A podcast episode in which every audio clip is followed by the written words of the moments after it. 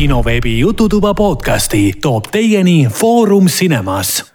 tere tulemast kuulama kinoveebi Jututuba, see on meie kolmekümne esimene saade. minuga koos tänases saates, nagu ikka, on Helen. tere! ja Hendrik. tere! ja mina olen endiselt Ragnar. oi äh,. siinkohal peame siis ära mainima selle, et meil oli plaanis selle nädala saade, eelmine kord rääkisime sellest ka, et me teeme Vanamehe filmi loojate äh, Miku ja Oskariga siis äh, saate mm. -hmm. aga see jäi ära, sest äh, mina ja Hendrik olime siin nädal aega haigevoodis ja gripp ja kõhugripp ja kõik siuksed asjad tulid kallale. Et võib öelda nii, et meil, meil oli kõik kokku lepitud.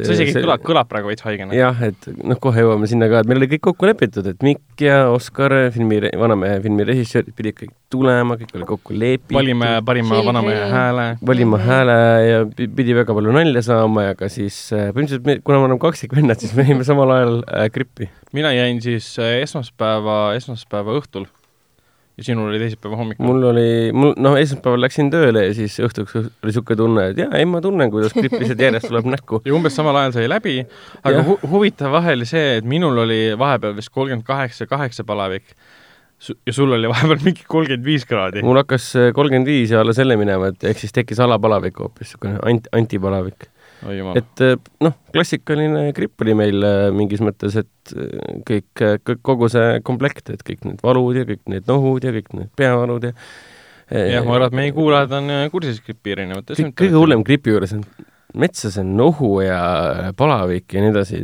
mingi, mingi, mingi, mis see oli? ei midagi, nii räägi.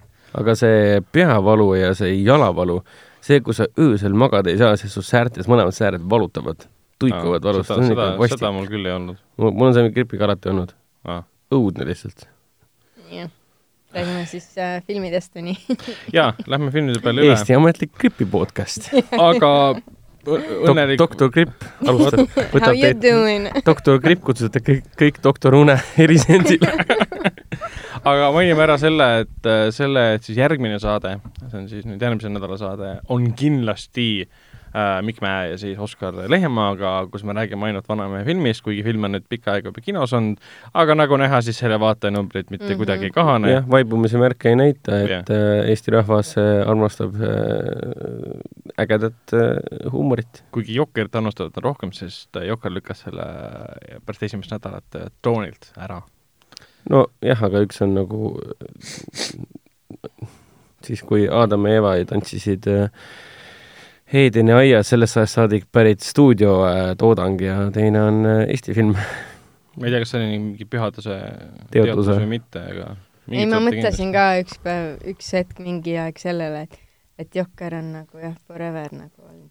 jah, täpselt, Jokker on ise ka mingi neljakümnendases aastates pärit tegelane. tuhat üheksasada nelikümmend. et noh.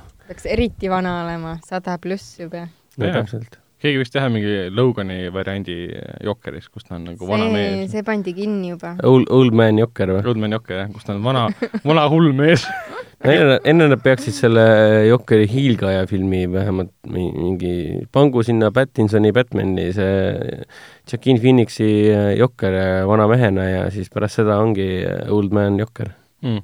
Old man Joker mul on see, et mina ütlen Joaquin Phoenix ja sina ütled Joaquin Phoenix. mis see õige Joaquin on tegelikult jah õige. Joaquin. aga noh, see on umbes sama nagu Robert Rodrig-, Rodriguez ja, ja, ja kes jah. Rodriguez. ja, ja Mendes. Mendes. Mendes, jah. Hamill.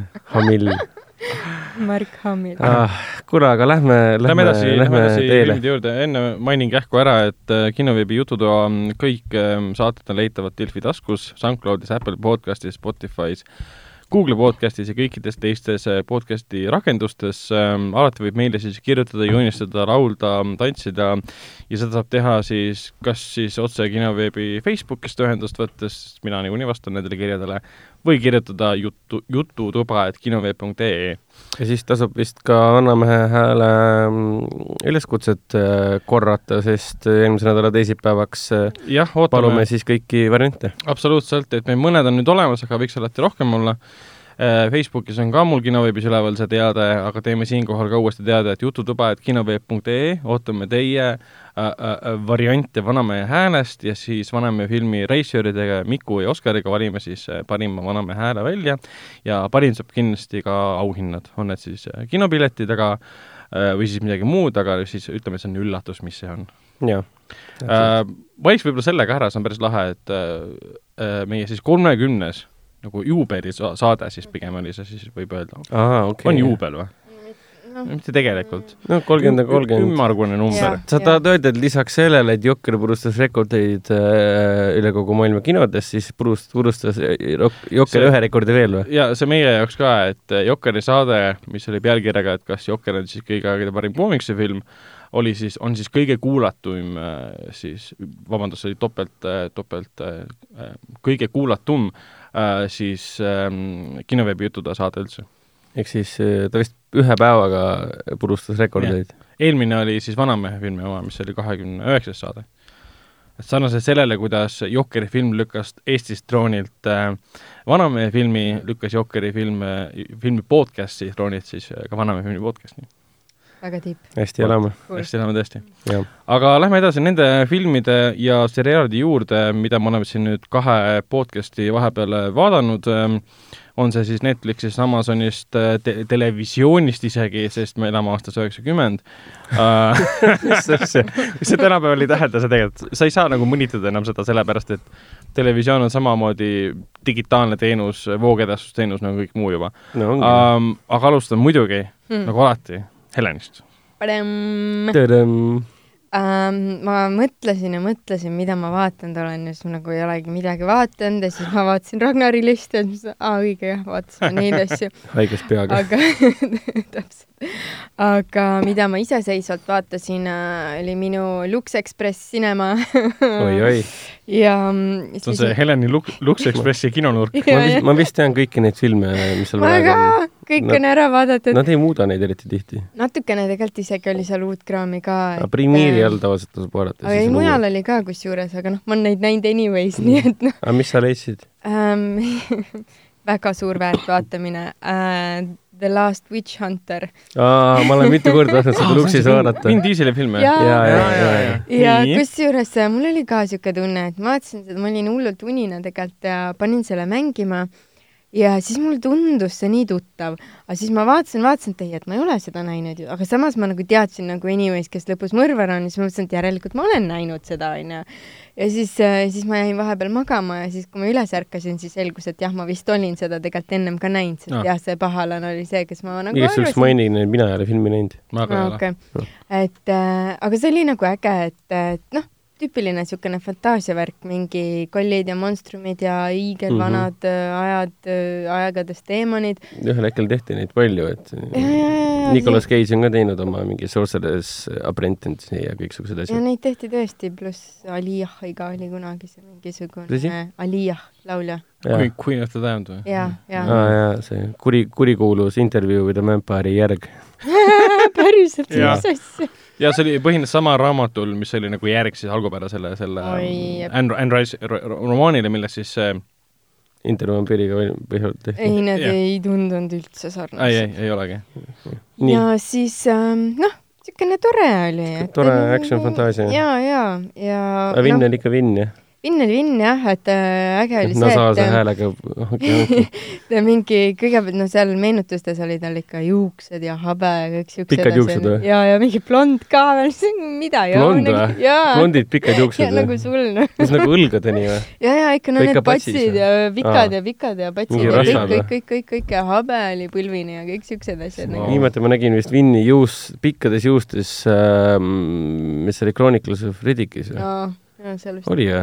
vot seal alguses, alguses jah. ja, ja, ja jääkoopas, jah, jah, tal oli kunagi Find Me Guilty ka niisugune kohtudraama, kus tal oli jah, pikad juuksed. mm. jah.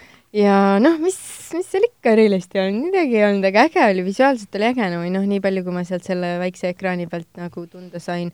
Ja no teemonid ja kõik siuksed asjad ja, ja ajalugu ja siis obviously mingisugune naine. romanss jah. ja, ja seal äh, mina ju ei vaata Game of Thronesi, aga see punapea, kes vist on hästi populaarne, et äh, Rose Leslie või? jaa, see võimalik. John, John Snow esimene suur armastus. Täitsa võimalik. You know nothing, John Snow Jaa. chick. Võib-olla Tema on see tegelane, see, kellega selle- Jon Snow äh, äh, Kit Haringtoni äh, näitleja, see Kit, Kit Harington abiellus ka temaga siis. jah, jah, nad on aa abielus jaa, sellepärast mul Seesama enda oligi, nägu tuttav oligi. mul tuletas meelde jah, et omal ajal ma vist tundsin huvi selle filmi vastu tänu, noh, Vinn. Vinn on Vinn, aga et Rose Leslie oli seal, siis tund-, tund- tundus huvitav. tal oli äge roll, ta oli nuid. ja siis noh, oota, mis ta teda küttiski või? äh, mitte päris, et ma ei hakka ära spoil ima, aga Aa, seal noh, olidki mingid teemonid, no ta oli küll Witch Hunter, aga ta pigem oli see Vin Dieseli tegelane, pigem oli nagu see, et ta nagu aitas neid või et noh, et kui nad olid nagu kahtlased mm. -hmm. kuidagi, et nad ei teadnud ise ka, mis nad teevad, siis ta nagu tegelikult tegi nende elu paremaks võib-olla aga mis, mis, mis seal see teema oli, kas ta on mingi hästi vana või? See. Witch Hunter? äh,? ta vist äh, oli kaheksasada aastat äkki vana või? aa, okei. ma vahepeal et mõtlesin teda oli neetud sellega, et äh, ta pidi elama igavesti. aa, okei okay., mingi, mingid ajahüpped siis nagu otseselt, nagu time travel'it nagu otseselt ei, ei. olnud, oligi ainult see mingi meenutus mingis kohas äh, ja siis, et noh, tüüpiline niisugune, et aa, pere sai surma ja värk, et noh, see ei ole saladus. päris nii polnud kui selles, nagu selles äh, Sleepy Hollow nimelises äh, fantaasiaseiklusseriaalis, kus peategelane magas Ameerika kodussõjas siis tänapäevani kuskil kirstus. ja siis ärkas lambist üles jah, mingi oi, ma olen Sleepy ärkanud. Hollows või? Sleepy Hollow seriaal. aa, seriaalis, Seriaal, okei, okei päris filmis ei tulnud ette seda. noh, ja niisugune see film oli, et ähm, oota, kas seal oli ka lõpus mingi suur draakon või? ei olnud või? Seal ei olnud draakon, seal oli ikkagi need teemonid, kes võtsid siis mingisuguseid kujusid, aga need olid no. pigem nägid välja nagu mingi puu draakon võis, ta ei olnud nagu no mina ei tea, nagu need puuharud, kes siis moodustavad Aa. mingi monstrumi, noh. okei. et ei, draakon see minu arust kindlasti ei olnud. draakon võis olla, et umbes sellel ajal vist tehti ka see, minu meelest see Timur Bekmamentovi film see- The Seven- Seventh Son Jeff Bridges'iga. aa, seal Ja Julianne on ka Moore'iga. jaa, seal ka seal. Lux Expressis on see täitsa olemas. järgmine kord ma vaatan mõlemad Julianne Moore ära. mängis mingit kurja nõidi, kes lõpus muutus mingiks loheks või draakoniks Mhm. ja umbes head. Et ähm, ma tahtsin toda ka vaadata, aga siis ma mõtlesin, et oot, ma tahaks midagi chillimat ja siis ma vaatasin kakskümmend üks Jump Streeti, aga see sai poole peale. see oli esimene ma olen näinud seda Jah. ja, ja, ja see oli tore film see. oli jah, see on naljakas. ja siis ähm, oligi põhimõtteliselt kõik, välja arvatud siis Basket Case üks, kaks, kolm. aa jaa, õigus, ma vaatasin, ma seda, see ei tulnudki nagu praegu pähe. mul ka ei tulnud, ma täiesti unustasin kon-, ära kon- nagu. kon-, konteksti suhtes siis see, kuna minul ja siis Helikul oli vahepeal sünnipäev, siis me tegime sünnipäevafilmi maratoni, kus me vaatasime kaksikutega seonduvaid õudusfilme.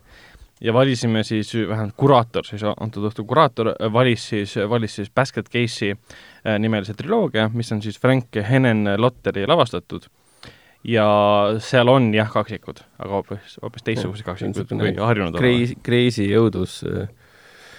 oota, vaatasite kõik kolm ära? Õuduskomöödia. ja, ja vaatasin kõik kolm Need olid ära. päris toredad filmid minu arust. jaa päris crazy, kuhu see kõik välja jõudis Mhm. teiseks ja kolmandaks osaks, et ma vaatan korraks, mis aasta see oli, keegi mäletab? esimene või? seitsekümmend midagi oli või? Ei olnud. ei olnud kaheksakümmend midagi. teine oli üheksakümmend, seda ma tean. kaheksakümmend kaks äkki siis või? kaheksakümmend kaks, aa jaa, oli vist jah, kaheksa või kuus aastat oli möödas, jah.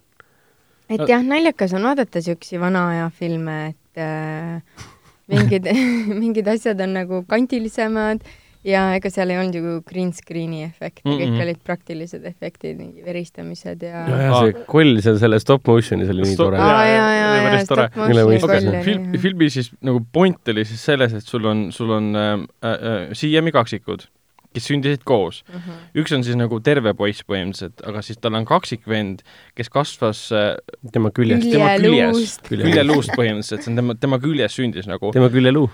Ja ta on siis nagu pea, millel on kaks kätt lihtsalt küljes ja näeb nagu ebard välja põhimõtteliselt mm. -hmm. Nad ühel hetkel siis nagu arstide poolt, kolme arsti poolt siis isa nõudel siis äh, eemaldatakse, aga siis poiss tunneb, et ta ei saa ilma temata hakkama, siis see olend jäi või noh, vend jäi siis ellu, keegi ei Mhm. teadnud, et elus on, ja siis ühel hetkel, kui nad on suuremaks äh, siis kasvanud, kuigi see vend oli kasvanud suuremaks, oli ikka samasugune kogu aeg, siis nad otsustavad, lähevad siis tapavad ära need kolm äh, arsti, kes nad kunagi omavahel siis nagu eraldasid. kättemaks õudukas et ta on, ta on põhimõtteliselt nagu slasher mõnes mõttes, aga nagu kollifilm, sest äh, koll läheb lihtsalt on, on a killing streak, hakkab siis kõiki tapma, kes tema ette kogemata satuvad, kuna siis para-, äh, pead- psühholoogiline ka muidugi. Mhm. jaa, kuna peategelane kasutab siis no sõna mõttes korvi, kus on see äh, äh, vend seal sees ja siis filmi nimi on Basket Case, eks. Hence the name, et basket case. Ja kõik, kes kogemata korvi siis vaatavad, on need õnnetud, kes surevad tema, tema siis kahe kämbla käe läbi siis, ütleme nii. see oli väga tore film. aga ja läbi kolme osa ta ju eskaleerus, et Joh, neid friike tuli juurde, kille Oh, tuli juurde. Ütleme nii, et kui sa esimest osa peaksid kunagi vaatama või oled kunagi näinud ja nüüd soovitame lihtsalt hüpata kohe kolmanda osa peale ja, siis ütle, kirjuta meile, et mis mulje jättis, et kuidas, kuidas nagu nii väike niisugune armas õudukas jõudis sellise asjani, mis seal lõpus toimus Mm. sest äh, esimene osa on, ütleme nii, nagu, nagu esimene Evil Dead, ehk siis ta mõjub nagu päris õudukana. ta on tõsine, enam-vähem. suht küll jah. Aga, aga teine osa ei ole nagu Evil Dead kaks, enam-vähem nagu on, aga ta on pigem nagu Evil Dead kolm. Ehk siis kohe läheb nagu selliseks fantaasia õudukaks, kus on Mm. hästi palju kolle, hästi palju, mõnes mõttes nagu seiklused, hästi palju Jah, tapmist. et see maailm ongi selline, täpselt, jah. et natukene friiki. jah. aga hästi sellised lahedad filmid, mida seltskonnaga, seltskonnaga vaadata mm. -hmm. Uh, mina sellel filmiõhtul vaatasin ära veel uh, neljanda Frank Hennen Lotteri filmi ka, uh, mille nimi on Frankenhooker. aa, õige, jaa, jaa. ja, ja ütleme nii, kui sa vaatad Frankenhookerit uh, kell um, neli, ei, viis või midagi, neli-viis hommikul, olles vaadanud veel kolm mm. -hmm. varasemat filmi, siis see oli ikka, töötas suurepäraselt uh,. väga-väga hea film, isegi ma ütleks, et ta on parem kui uh,, kui siis need Kui kõik äh, kolm või? Filmid. kas ta wow. tehnilises mõttes või sisulises mõttes? mõlemas mõttes okay.. tehniliselt ta oli noh, üheksakümnendate oma, kui ma ei eksi, ja, ja töötas ja oota, kas ja... ta mitte Frankenhooker ei teinud äh, enne oota, teine, teine Basket Case tuli üheksakümmend, et kas ta mitte eh, vahepeal siis ei teinud no Frankenhookeri või? Frankenhooker näitab, et on ka üheksakümnendal aastal tehtud. aa, ta äkki ta tuli siis Äkki välja ennem Basket Case kahte mm. -hmm. ja see noh, selle filmiga on see, nagu pealkiri viitab, et ta on nagu Frankensteini lugu. lihtsalt on Hooker või? jah, võib, võib ka nii öelda, et noh, point on selles, et üks noormees, kes on niisugune omamoodi nagu teadlane, ta kaotab oma siis ähm, tulevase abikaasa, eriti traagilisel teel mm. -hmm. automaatseks muudetud muruniiduk tükeldab ta ära. ja ta ei suuda selle teadmisega elada, kuna mõned tükid on täiesti kadunud. millise millise teadmisega ta siis elada ei suuda, Et et, tema naine naine ära suri või see, et mi- mismoodi ta suri? no mõlemat, aga e Okei. e eelkõige see, et tema naine on surnud. ja kuna ta on omamoodi teadlane, siis tema võtab pähe, et ma siis äh, olen nagu Fra doktor Frankenstein ja panen ta kokku. Aga tal on mõned tükid puudus, vaata see, see muruniiduk hävitas ära mõned tükid, et tal on üks käsi vist alles ja ainult pea. noh, ülejäänud keha polegi. jah, ja see on selles mõttes, ta on ikkagi, seda tuleb võtta ja ongi komöödia tegelikult. ja nad on ja absurdikomöödiad. seal, noh, ühel hetkel on see, kus ta nagu äh, läheb siis naisega õhtust sööma. aga naise pea on lihtsalt seal ja kallab talle suust veini sisse. oota, naine, see pea on nagu elav siis? ei ole, ei ole, jah. aga Pea., läks, läks väga tarkiks. ta läheb, ei, ta, ta on nagu, tundub nagu sünge, aga tegelikult ta, ta on hästi jabur komöödia selle koha pealt. kust need ülejäänud kehad saavad? see ongi see, et kuidas sa saad, kus sa leiad hästi lihtsalt äh, naisi, kelle kehajuppe saad kasutada. ma saan aru pealkirjast küll jah, et Noh, sa pealkirjast äh, jah, tõesti nagu. lähed siis sinna õigetele tänavatele nagu nii-öelda punastele Otavate tänavatele, siis ütleme Mhm. nii, ja siis maksad seal õigetele naistele ja ütled neile, et sa, sa tahad neid mõõta. sest tal ongi ühes, ühel hetkel nagu ühes toas on siis mingi kümme naist ja ta mõõdab neid põhimõtteliselt ja mis iganes kasutab erinevaid mõõduriistu, et siis tuvastada, milline on perfektne tükk siis minu naise jaoks. ja, ja aga ta selle peale ei ole mõelnud, et ta peab kuidagi need tükid kätte saama. ja seal, ma ei mäleta täpselt, mis, mis see, mis see agent või asi seal oli, aga mingi viirus hakkas levima, ta oli teinud kogemata mingi crystal meth'i, ma ei mäleta neid asjaolusid, ja kogemata sinna vist sisse pannud, ta oli su- super crystal meth'i teinud ja see kogemata need, need siis äh, naised võtsid selle sisse, läksid Mhm. hulluks mm, -hmm. aga see Crystal Meth siis põhimõtteliselt, kuna see oli tema enda loodud, pani nad plahvatama. Ja need naised plahvatasid Aa. kõik nagu robotid selle koha pealt, et see, kui plahvatus toimub, sa näed, kuidas need on tegelikult nukud, mis on mm Mhm. -hmm. plahvatama pandud, kuidas mehaaniliselt nagu sädemed lendavad neist, tükid lendavad. ja siis ta mingi, okei okay,, võlp, võtan siis tükid kaasa, põgeneb sealt ära ja siis läheb koju ja paneb siis naise kokku endale ja seal on naine on tagasi mm. Mhm. -hmm probleem on selles, et kui sa võtad oma äh, armastatu pea ja paned ta kokku äh, äh, äh, prostituutide kehajuppidest mm, -hmm. siis ta Mhm. ärkab üles ja esimene asi, mis, mis ta teha tahab, ta tahab ringi hukerdada.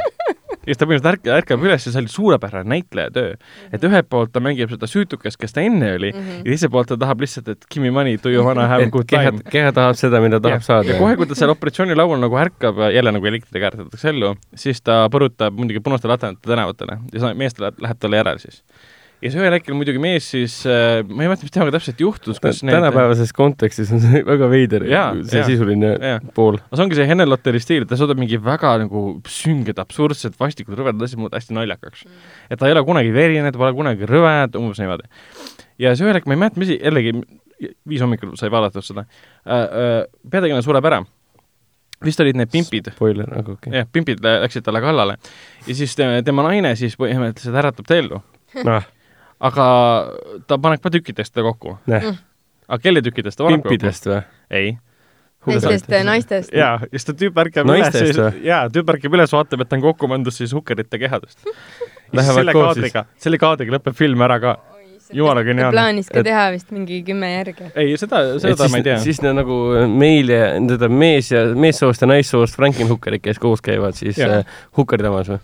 Ei, seda, seda ei olnud, lihtsalt no, oli, oligi see, et me nägime tema ülesärkamist. nagu on, et nii, nii läheb. jah aga ütlen, aga ta oli tore selline, selline kohati südamlik, täiesti absurdne äh, film, mis suutis vaatamata eriti rõvedale nagu premissile olla selline naljakas, humoorikas ja mitte üldse tõsiseltvõetav, kuna jällegi verd ei ole, mingeid soolikaid ei lenda, keegi pole nagu selles mõttes süngelt hull peast et sa lihtsalt võtad ja naerad seda sellisena, nagu ta on. ütleme nii, et ajastul, kui äh, on väga olulisel teemal äh, just nimelt see, et äh, valitsused ei peaks otsustama, äh, mida saavad ja mida ei saa teha naised omaenda kehaga, on, on tänapäeva kontekstis selle filmi sisu äh, nagu veider kujutan ette, et see tänapäeval niisugune asi nagu mainstream filmide hulgast nagu üldse läbi ei läheks et noh, reaalselt naise keha tükeldamine, endale võtmine ja uuesti ehitamine. no aga film sai, see õnnetub siiski, et vaata, olgu tore mees, et paneb naisi tagasi kokku. jah, mis siis, et äh, mõned kaovad vahepeal kuskil, aga noh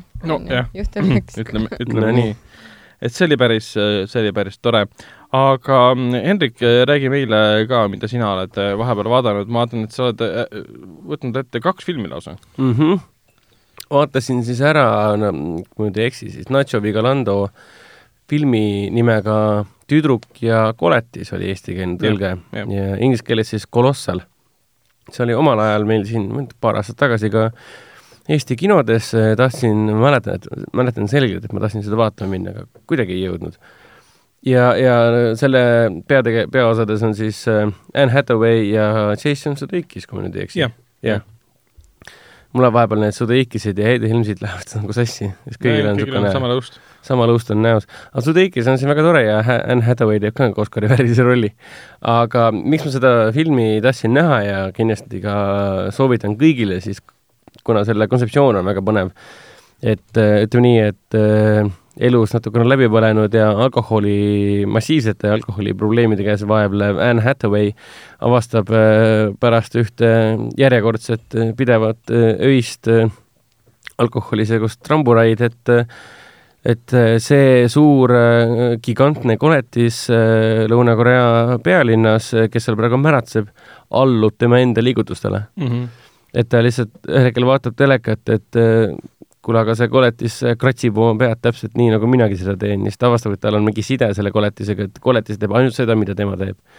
ja sealt läheb nagu äh, lugu päris hulluks ära, et tegelikult on tegemist äh, looga sellest, kuidas üks äh, inimene proovib oma elust äh, sotti saada ja mõista ja äh, jagu saada alkoholismist tegelikult.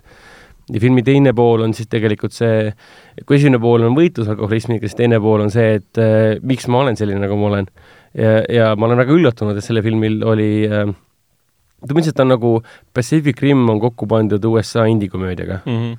et alguses vaatad, okei okay,, see on niisugune romantiline indie-komöödia, aga ühel hetkel vaatad, ei, see on ikkagi full-blown äh, nagu täiesti korralik draama tegelikult, mis äh, süvitsi räägib ühe inimese suhteprobleemidest ja kuidas need suhted võivad olla niivõrd äh, toksilised, et sa oled kogu aeg selle küüsis ja ei suuda sealt välja saada. ja kui ma ei eksi, seal oli sama teema, et su tekkis mingit sellist head tüüpi, kes osutus yeah. tegelikult mingit täiesti toksiliseks färdideks põhimõtteliselt. jah, isekaks väedjaks põhimõtteliselt, kes eh, teeb ainult head selleks, et sulle pärast kurja teha ja pärast püüab alati vabandust paluda ja nii edasi. et see oli kõige üllatavam, sest eh, Su- Sudeikis oli esimeses pooles filmis eh, nagu väga meeldiv ja nii edasi ja ma olin nagu vaatasin jumala pingsalt, vaatasin nagu minu jaoks on nii huvitav lõpuks seda filmi vaadates, ma vaatasin ka täiesti mingi šokis, mingi oot-oot-oot, asi läheb aina karmimaks ja karmimaks. ja, ja kogu see, see on ikkagi komöödia tegelikult, nii et komöödiana ta töötab väga hästi, sest noh, selle koletise kontrollimiseks on äh, tema vanas kodulinnas üks kindel koht. Mm. sa pead sinna kohta minema täpselt sel kellaajal ja ainult siis, kui sa sinna liivakasti sisse astud, siis oled sa Soulis Mm. Seulis. ja, ja ainult siis, kui sina sinna astud ja pärast tuleb ka välja, et Seis on Sudikise tegelane, ainult kahele inimesele see mõjub, kui nemad sinna astuvad, siis tekib üks suur sisalikulaadne koletis ja üks suur robot.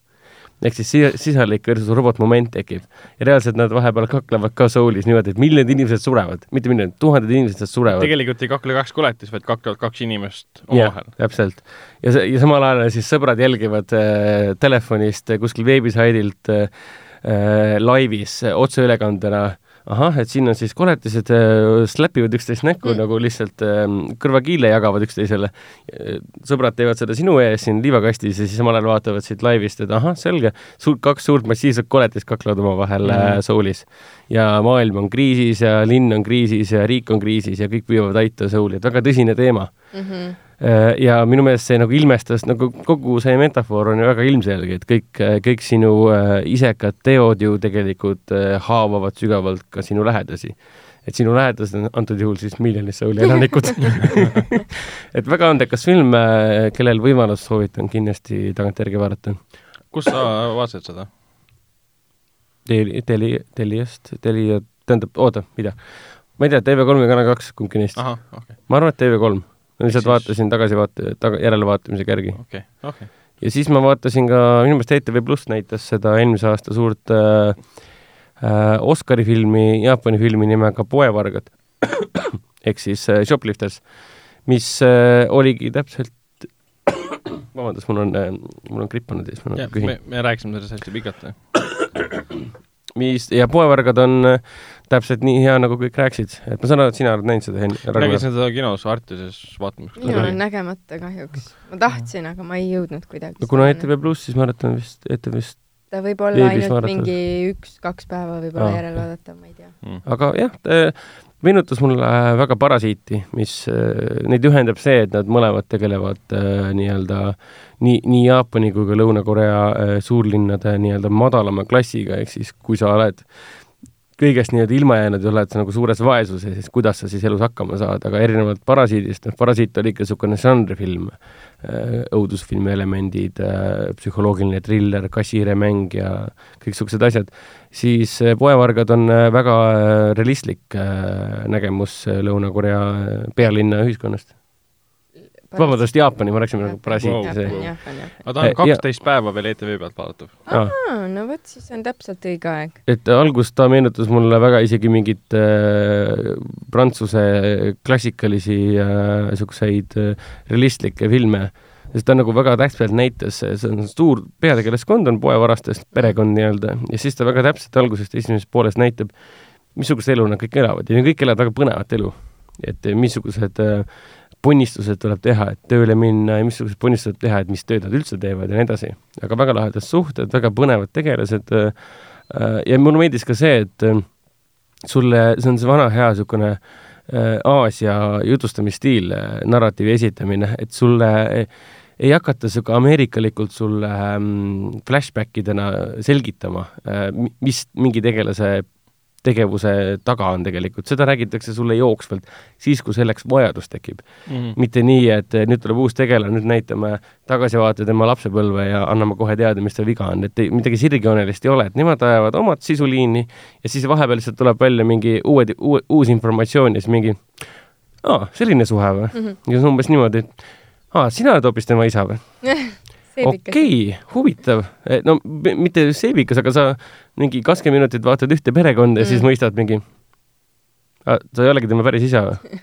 nojah, okei okay., tegelased ei räägi omavahel asjadest, mida nad juba teavad. ja et see ei ole see selline info tuleb vaatajateni tuua loomulikult siis, kui see loomulikult täpselt, äh, ja see mõjub tänu sellele, et mõjub nagu väga toreda müsteeriumina ja lõpplahendus oli ka väga niisugune kibe magus, aga samas äh, realistlik, et erinevalt Parasiidist ta jäi äh, umbes niimoodi, et äh, ta jäi sinna, sinnakanti, et äh, te võite elada äh, omaenda noh, vaene perekond elab omaenda nii-öelda loodud mm. -hmm. reeglite järgi, aga ühel hetkel tuleb ikkagi ühiskond oma reeglitega, mis on üldiselt aktsepteeritud ja ütlevad, et ei, nii ei saa. Te peate meie, meie malli järgi lõpp oli tantsima. jah üsna kurvameelne. jah, et see oli aga see film ja tegelikult Lõuna-Korea film Parasiit on päris head asjad, mida koos vaadata, et nad on žanriliselt natuke erinevad, aga ma teemad on vaataks algul. Poevargaid ja siis Parasiiti. jaa, mis puudutab noh, ütleme no, lihtsalt öeldes siis rikkaid ja vaeseid. para-, see, kui lõuna, see nii, kui poevargad on kui poevargad on niisugune kibemagus realism, siis, siis äh, Parasiit mõjub sellise äh,, kuidas, mis see eestikeelne sõna on, empowering, Ähm, sisestab, süstib sellist äh, jõudu ja energiat mm. -hmm. vaesematele inimestele. Motiveeriv võib-olla jah siis, jah., et täpselt niisugune jõuliselt motiveeriv lugu, kuidas oma elu äh, vägisi paremaks muuta. et äh, võib küll täitsa, täitsa vaadata sel-, seljast selga film Mm., filmid, väga äge. okei okay., mis, mis sina vaatasid siis? Päris palju asju vaatasin, kuna ma olin Wow. haige, siis ma lihtsalt järjest vaatasin asju, mis on Netflixis. aga anna siis igale filmile üks lause või midagi. Äh, jah, vaatasin ära siis ähm, nüüd sel reedel tuli Netflixi Sam Worthingtoni uus äh, film Fractured. Fractured, jah, okei, mis on lavastatud Brad Andersoni poolt. On või? jaa, seesama tüüp, kes tegi äh, mas- Masinisti, mille jaoks siis? Kristen Bale ennast jaa. näljutas ja Mhm. ta tegi Transsiberiani ja tal on hästi palju Mm. Session viimast- Nine Peter Mullaniga. jah, aga tal on hästi palju on niisuguseid Hayden, Hayden Christenseniga oli see mm, Vanishing on Seventeen. jah, hästi palju praegu on ta teinud niisuguseid äh, igavaid filme, ütleme ausalt öeldes Jah.. Halle Berry'ga The Call ja kõik niisugused, no, aga tal oli üks päris huvitav oli see, mis see oli, Beirut või mis selle nimi oli? mis selle filmi nimi oli? Selle filmi nimi on äh, äh, Fractured, Fraktuured. Fraktuured, jah. aga point, millest sa nagu rääkis Eh,? Sam point- Worthington sa ütlesid või? jah, oi, minu arust ta teeb, see on üks film, kuna Sam- Sam Worthington on nagu nä- näitleja, kes nagu tuli avatari abil äh, areenile, aga ta pole kunagi suutnud ennast tõestada, sest ta muutus selliseks äh, niisuguseks näoks nagu Jay Courtney põhimõtteliselt ja võib-olla mõni nägu veel, et ta lihtsalt astub mina sellega ei võrdleks, Sam Worthington No on ikkagi võib-olla- Sam Worthington, Jay Courtney mõjub ju nagu äh, väga vaese mehe Sam, jaa, okei. Okay., aga lihtsalt Sam Worthington, ta pole kunagi nagu olnud pärast avatari, isegi avatarist ei olnud tegelikult. eh, selline näitleja, et sa lähed tema pärast midagi vaatama. aga ta, aga seda on muidugi näha, et ega tal suuri rolle pärast seda ei tulnudki. jah, seda ka. millest on tegelikult kahju, temast Kino- oleks võinud küll vorpida Kino- suurema staari. kinofilmides pärast avatari olid tal ainult see, see Wrath of the Titans ja, ja need kaks filmi, mis Jah. tehti um,. aga, aga Fracture'is Clash ja Rat. jah, täpselt, aga Fracture'is minu arust ta teeb oma elurolli, et see on ainult Net- Netflixi film, elurolli. mis näeb nii hea välja, ma oleksin hea meelega seda kinos vaadanud. Aga kuna film põhimõtteliselt mängib seal just erilist isa, kes ühel hetkel viib oma tütre siis koos oma naisega haiglasse, tütrel on mingi pisike vigastus põhimõtteliselt ja saadab nad siis põhimõtteliselt CAT scan'i tegema, et noh, vaadata üle igasugust, kas lõi pea ära, kas peaga on kõik korras. ja siis ta vahepeal magab lihtsalt haiglas, ootab neid, nad on kuskil tulid äh, tänupühade õhtult oma naise vanemate juures põhimõtteliselt mm. -hmm. pole kuskile minna ja, ja siis ta ärkab üles ja hakkab siis küsima, et noh, kas nad käisid Catscanis ära, et ta magas mingi kaks, kaks tundi äkki. ja siis kõik haiglas ütlevad talle, et mis asja, sinu naist ja me ei tea mitte midagi sinu naisest ja lapsest, nad pole kunagi siia tulnudki, et sa tulid siia Appi. üksi äh, peavigastusega, millest sa räägid, et ja siis ta läheb põhimõtteliselt hulluks sellest, hakkab selle kõiki nagu nende peale karjuma, et üritab aru saada, et ta teab väga hästi, ta tuli oma naise ja lapsega siia. kas te üritate mind hulluks teha või ma olengi hull ja ta ei saa sellest aru. ja kogu filmi point seisnebki selles, et sa üritad aru saada, kas tema on hull kas või? tema on hull või teda üritatakse hulluks teha.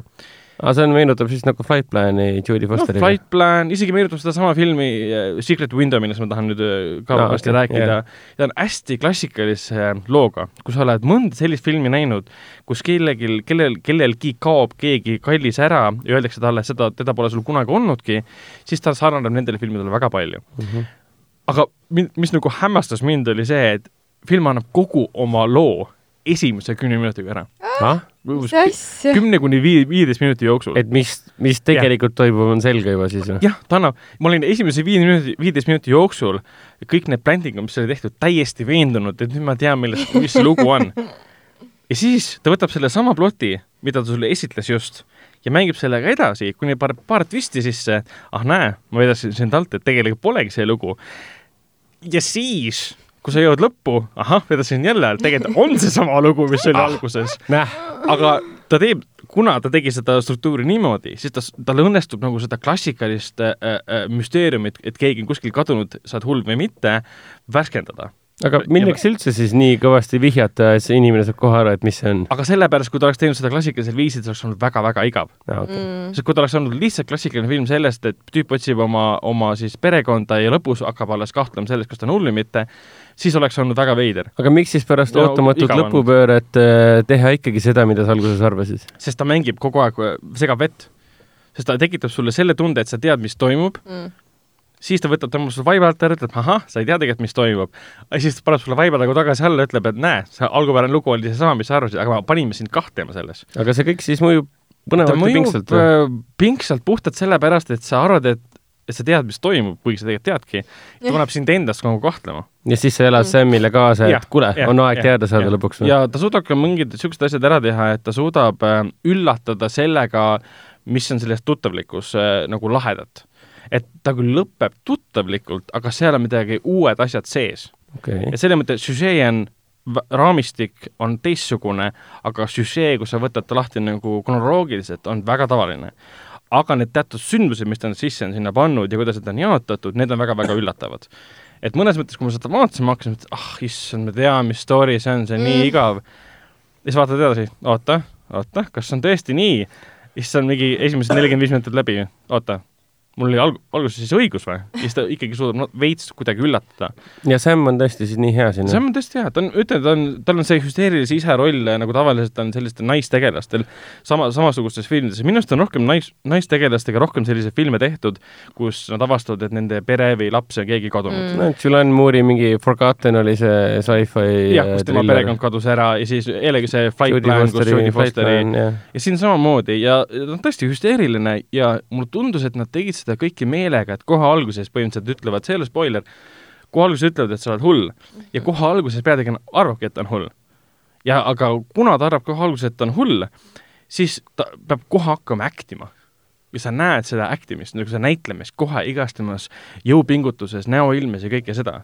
et kui ta oleks olnud veidigi klassikaline, siis oleks olnud igav film. aga õnneks ta nagu oli kuidagi, tundub, et point oli selle, et ta võttis nagu vägisi ette klassikalise struktuuri ja vägisi tegi selle teistpidi, et see tunduks uus ja põnev. ja minu jaoks see nagu töötas.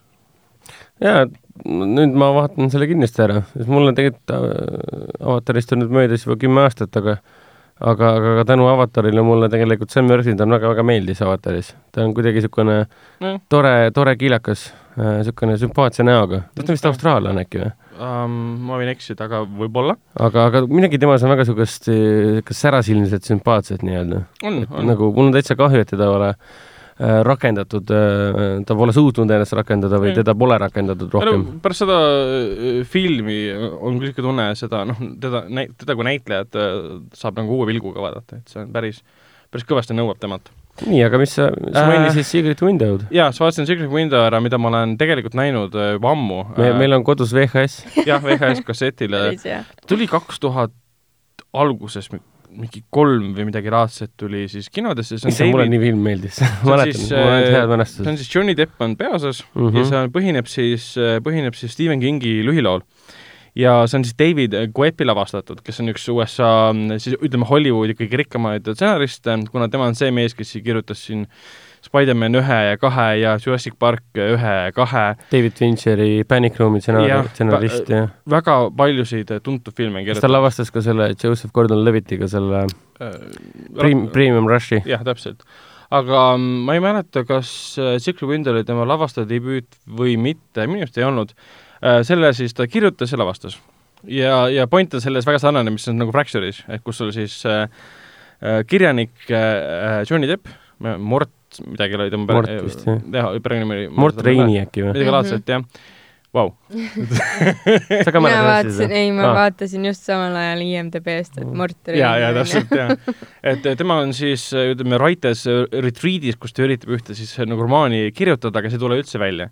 ja põhimõtteliselt, kuna film valmis samal ajal, kui vist eh, oli siis esimene Kariibi mere piraadid, siis ta veits on tunda tema rollis, kuidas ta käitub, kuidas ta käsi Mm. hoiab, kuidas ta pead liigutab, kõike seda on tunda Jack Sparrow liigutusi. aru, et ta ei ole sellest karakterist veel jagu aa, saanud nüüd. tagantjärgi võib jah jääda siuke mulje, aga tollal ma, minu arust vaatasime seda ribadeks, seda VHS-i, kogu aeg vaatasime uuesti ja uuesti, kuna see on lihtsalt nii ägedalt näideldud ja aga noh, filmi äge õudukas. point siis on, on selles, et ta on kirjanik, kes üritab romaani kirjutada üksi maamajas. Ühel hetkel tuleb ukse taha mingi Mississipist pärit äh, John Turturro, kes ütleb, et you stole my story. üleni mustas ja Jah. siis mustas kaabus alati, mingi you stole my story. annab talle siis käsikirja ja ütleb, et näed, sinul ilmus üheksakümne viiendal aastal äh, üks äh, lugu, Mhm. mis on täpselt minu lugu. et. sa varastasid selle mult, et sa pead nüüd selle maailmale nagu tõestama Jah. et sa varastasid selle. ja tüüp muidugi lükkab, lükkab selle vaiba alla, siis see on naeruväärne. Mm. ja, ja siis ta hakkab seda asja uurima ja siis see viib ta nii-öelda, kuidas öelda, hullumeelsuse keskele, kus ta enam ei saa aru, mis on päris ja kõige sellel. muidugi seesama, see, mis selle Tuttura tegelase nimi oli? kelle? John Torro, Tuttura tegelase nimi. hästi lahe, hästi mingi ähvardav nimi oli. John Shooter. jaa, John Shooter, Shooter jah, tema point on see, et tema on see noh, tema on see pingeliin, sest tema käib kogu aeg teda piinamas ja painamas.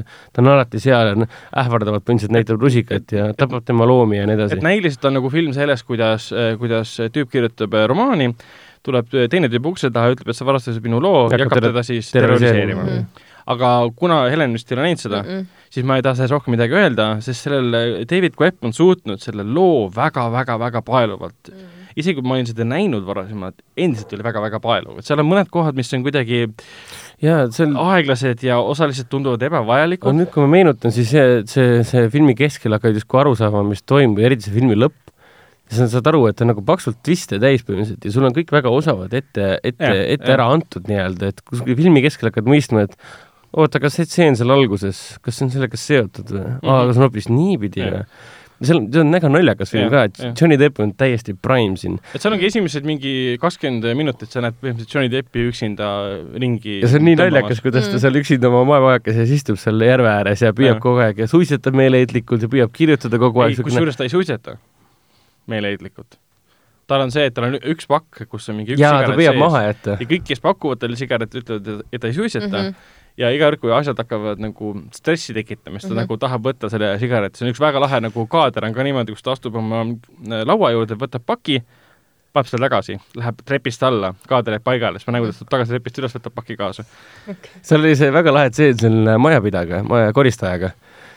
ma, oli ja vaata, seal on põhimõtteliselt te- kaks korrust on sellel majal, et ja ülemine korrus on nagu pooleldi, et kui Jaa, sa istud seal üleval siis sa näed alla elutuppa. see oligi siis see, kus ta hakkas äh, frustratsiooni minema, siis okei okay,, võttis selle suitsu vist välja, pani selle põlema, istus seal oma kirjaniku äh, laua taga ja tõmbas seda, samal ajal tuleb järsku lambist see äh, koristaja üles ja mingi ehmatas selle peale räigelt, võttis selle koni, pani endale sahtlisse vist või? jah. pani sahtli kinni, siis tegi niimoodi mingi jaa, tere, Lupita, ei, kõik on hästi, siis vaatab, läheb alla mingi, võtab selle lahti, siis põlema läks ka vist või? ei läinud põlema, enne kui ta sai uuesti kuni suhu panna, siis tuli uuesti üles. ja, ja see lõpus oli siis see, et ta tõmbas seda ja siis vaatas, kuidas ta alla läks mingi.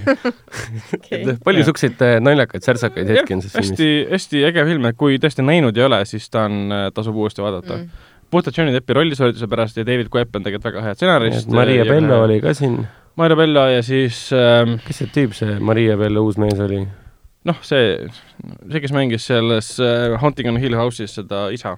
Timothy Hutton on Timothy Hutton, täpselt, jah. okei. ja, ja filmil on väga huvitav algus ja seal on hästi palju niisuguseid kaamerasõite, mis on niisugused lahedad äh,. ütleme niimoodi, et filmi alguses kaamera sõidab mööda järve, mm.. üks kaader jõuab majani, sõidab maja teisele korrusele väljastpoolt, siis läheb pisikese aknast sisse, sõidab üleval, ülemisele korrusele, sõidab ülemisele korruselt alla, aga selle asemel, et minna nagu Mort Raini juurde, kes on diivanil magab, ta läheb, sõidab peeglisse sisse, läbi peegli ja siis me näeme Mort Rainit, kes magab, saad aru, et aa, siin on issand, mingi aga nagu kas see, mirror at truth. mis aastal see nüüd välja tuli? Äh, kohe vaatan, see oli kaks tuhat neli. Panic Room oli siis paar aastat enne seda? Ähm, jah, ja Krimmere Piraadide esimene osa oli kaks tuhat kolm. see, mis sa praegu kirjeldasid sellest kaamerasõidust ja kokku monteeritusest, veits meenutab Panic Roomi algust, kuidas kaader sõitis läbi digitaalse maja, kaamera sõitis läbi digitaalse maja ülevalt korruselt allkorruseni välja. täitsa võimalik, neil on isegi samad, samad operaatorid, aga ma sügavalt kahtlen selles. väga lahe, ma tahan uuesti vaadata, see on ka Netflix ikka või? jaa, Netflix okay., täiesti olemas, et ma isegi ei teadnud, et on seal olemas, sest ühel hetkel haigena lihtsalt nagu brausid, vaatad aa mm, -hmm. seda ma vaatan oh,. vaatan seda. ja üks, üks teine brausimise film, mida, mida ma haigena sattusin peale, mis oli väga hea oli vaadata, oli Contagion, mis on siis Steven Soderberghi äh, star-studded film, seal on siis Jude Law, seal on Matt Damon, seal on Marianne oh. Cotillard, seal on Kate Winslet. Gwyneth Paltrow.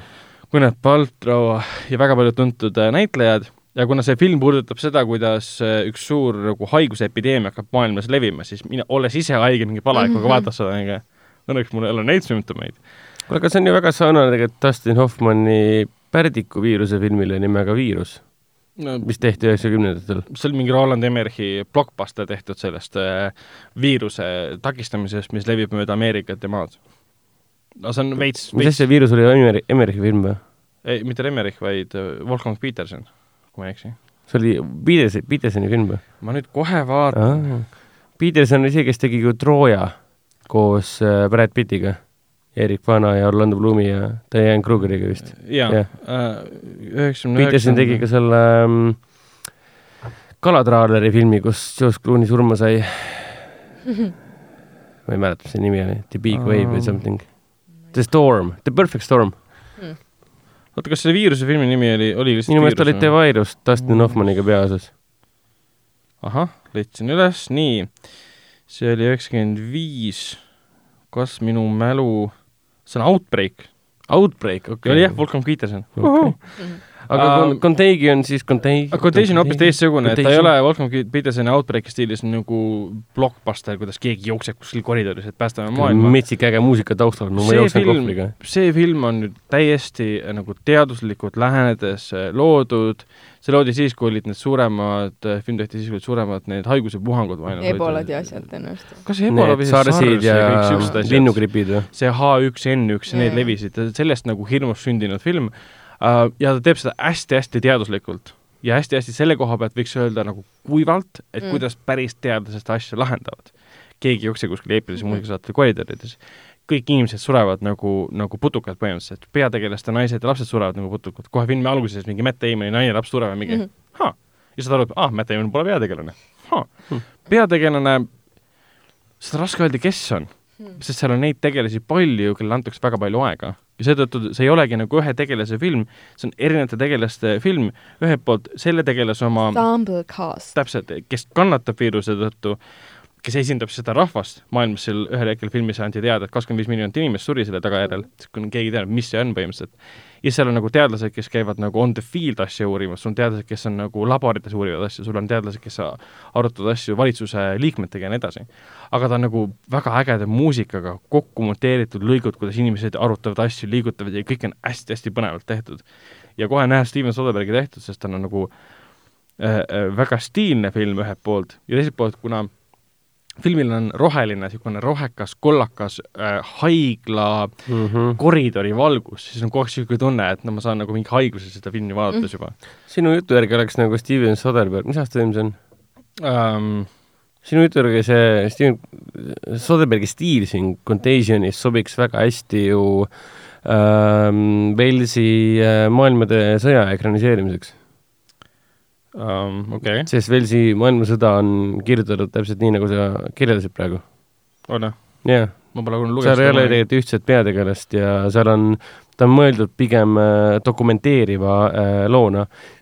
ehk siis see, mis oleks stsenaarium, kui Marsilt tulevad äh,, Marsilt tulevad tulnukad ja hakkavad meid ründama lambist äh, Inglismaal äh, üheksateistkümnenda sajandi lõpus. sa tahad öelda, et Spielbergi ja Tom Cruise'i ekraniseering ongi otsene ekraniseering või?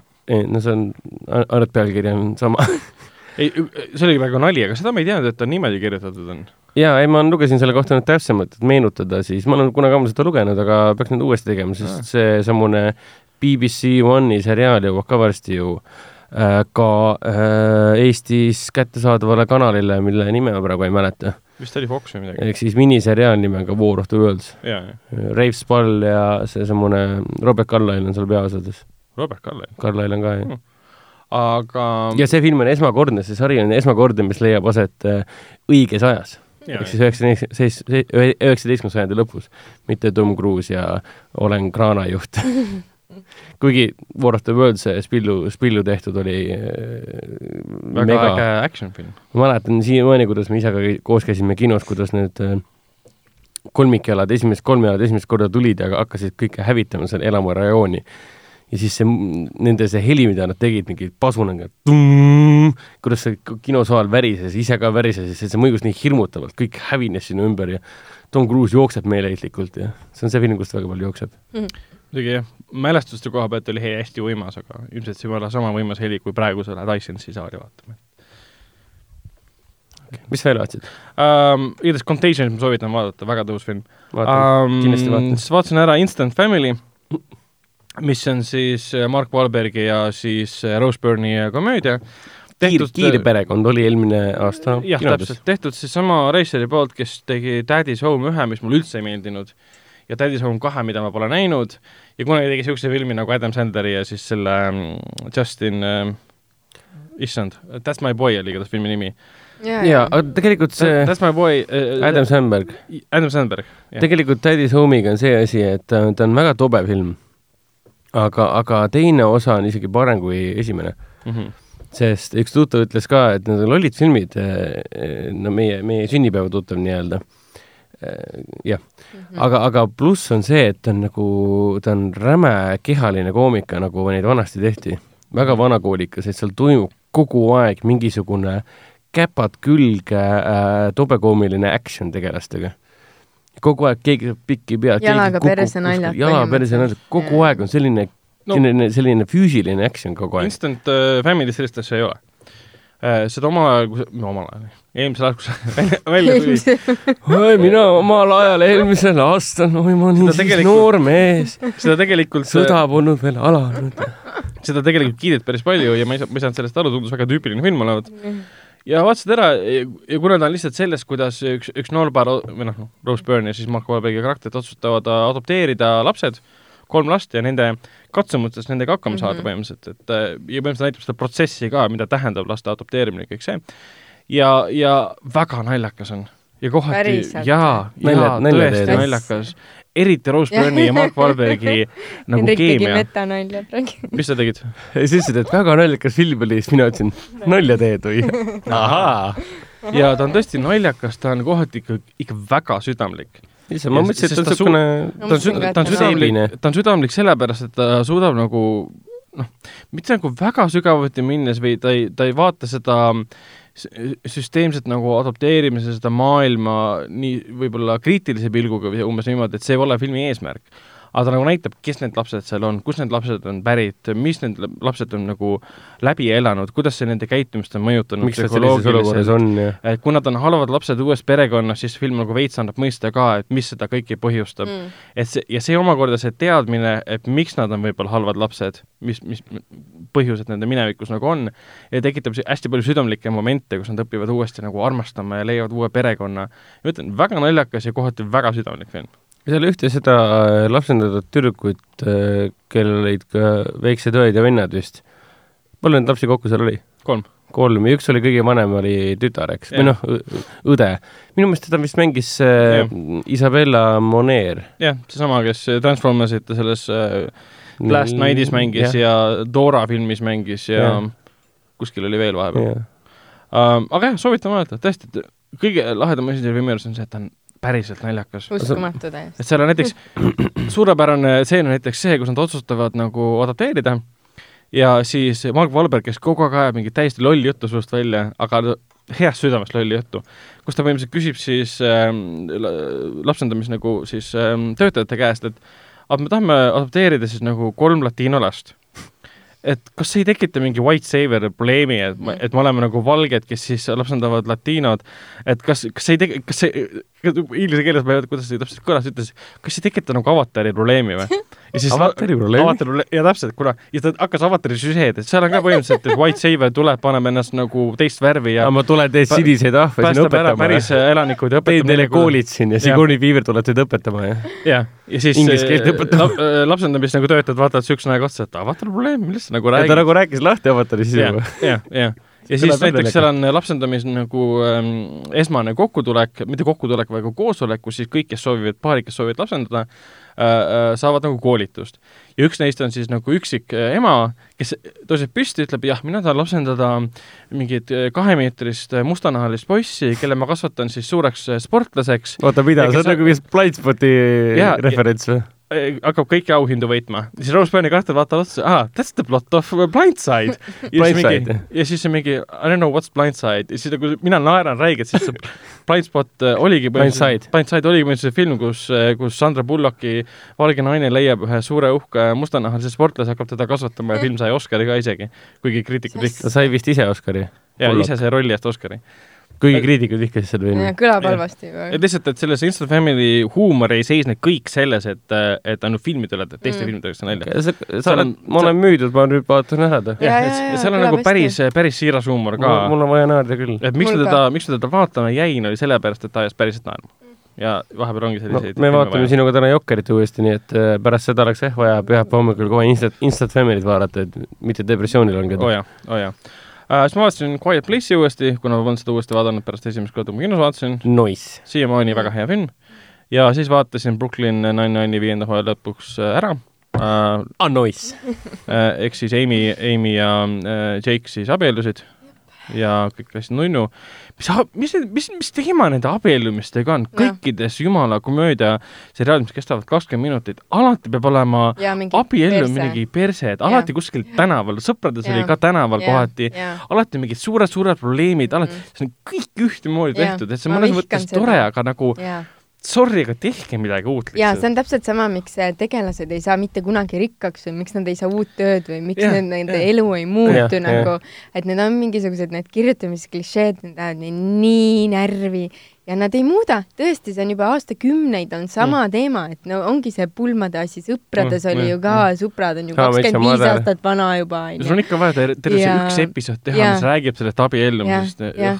Kuskil, üks, kuskil oli küll, äkki see oli Big Bang Theory's või? siis isegi ei näida-, kus ei näidatud pulmasid või siis oli see, et nad käisid äh, nagu elope või nagu põgenesid. jaa, Leonard ja Benny, aga no samas nad pärast tegid pärast, uuesti. jah, täpselt, et, et sest Leonardi ema oli väga ja. pettunud, et, et te mind mm -hmm. pulma ei kutsunud ah,. Okay. et ma ei tea jah, mis värk see on ameeriklastel, aga jah, nad usuvad seda, et kõik läheb hästi-hästi perse ah,. ja Seksis ja linnas oli samamoodi ju, Carrie pidi abielluma ja tal oli maailma kõige ilusam kleit, onju, ja kõige uhkem soeng ja Big ütles, Mr Big ütles lõpuks ometi talle jah, onju. ja siis ta läks kohale ja siis Big'i ei olnud, onju.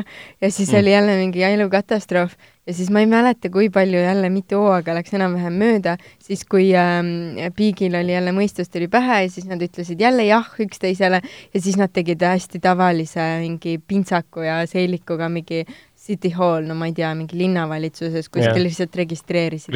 see oli Sheldoni, see oli Sheldoni Big Bang teooria tegelaste Sheldoni ja Amy esimene eesmärk ka, et nad hakkasid pulma ah, planeerima.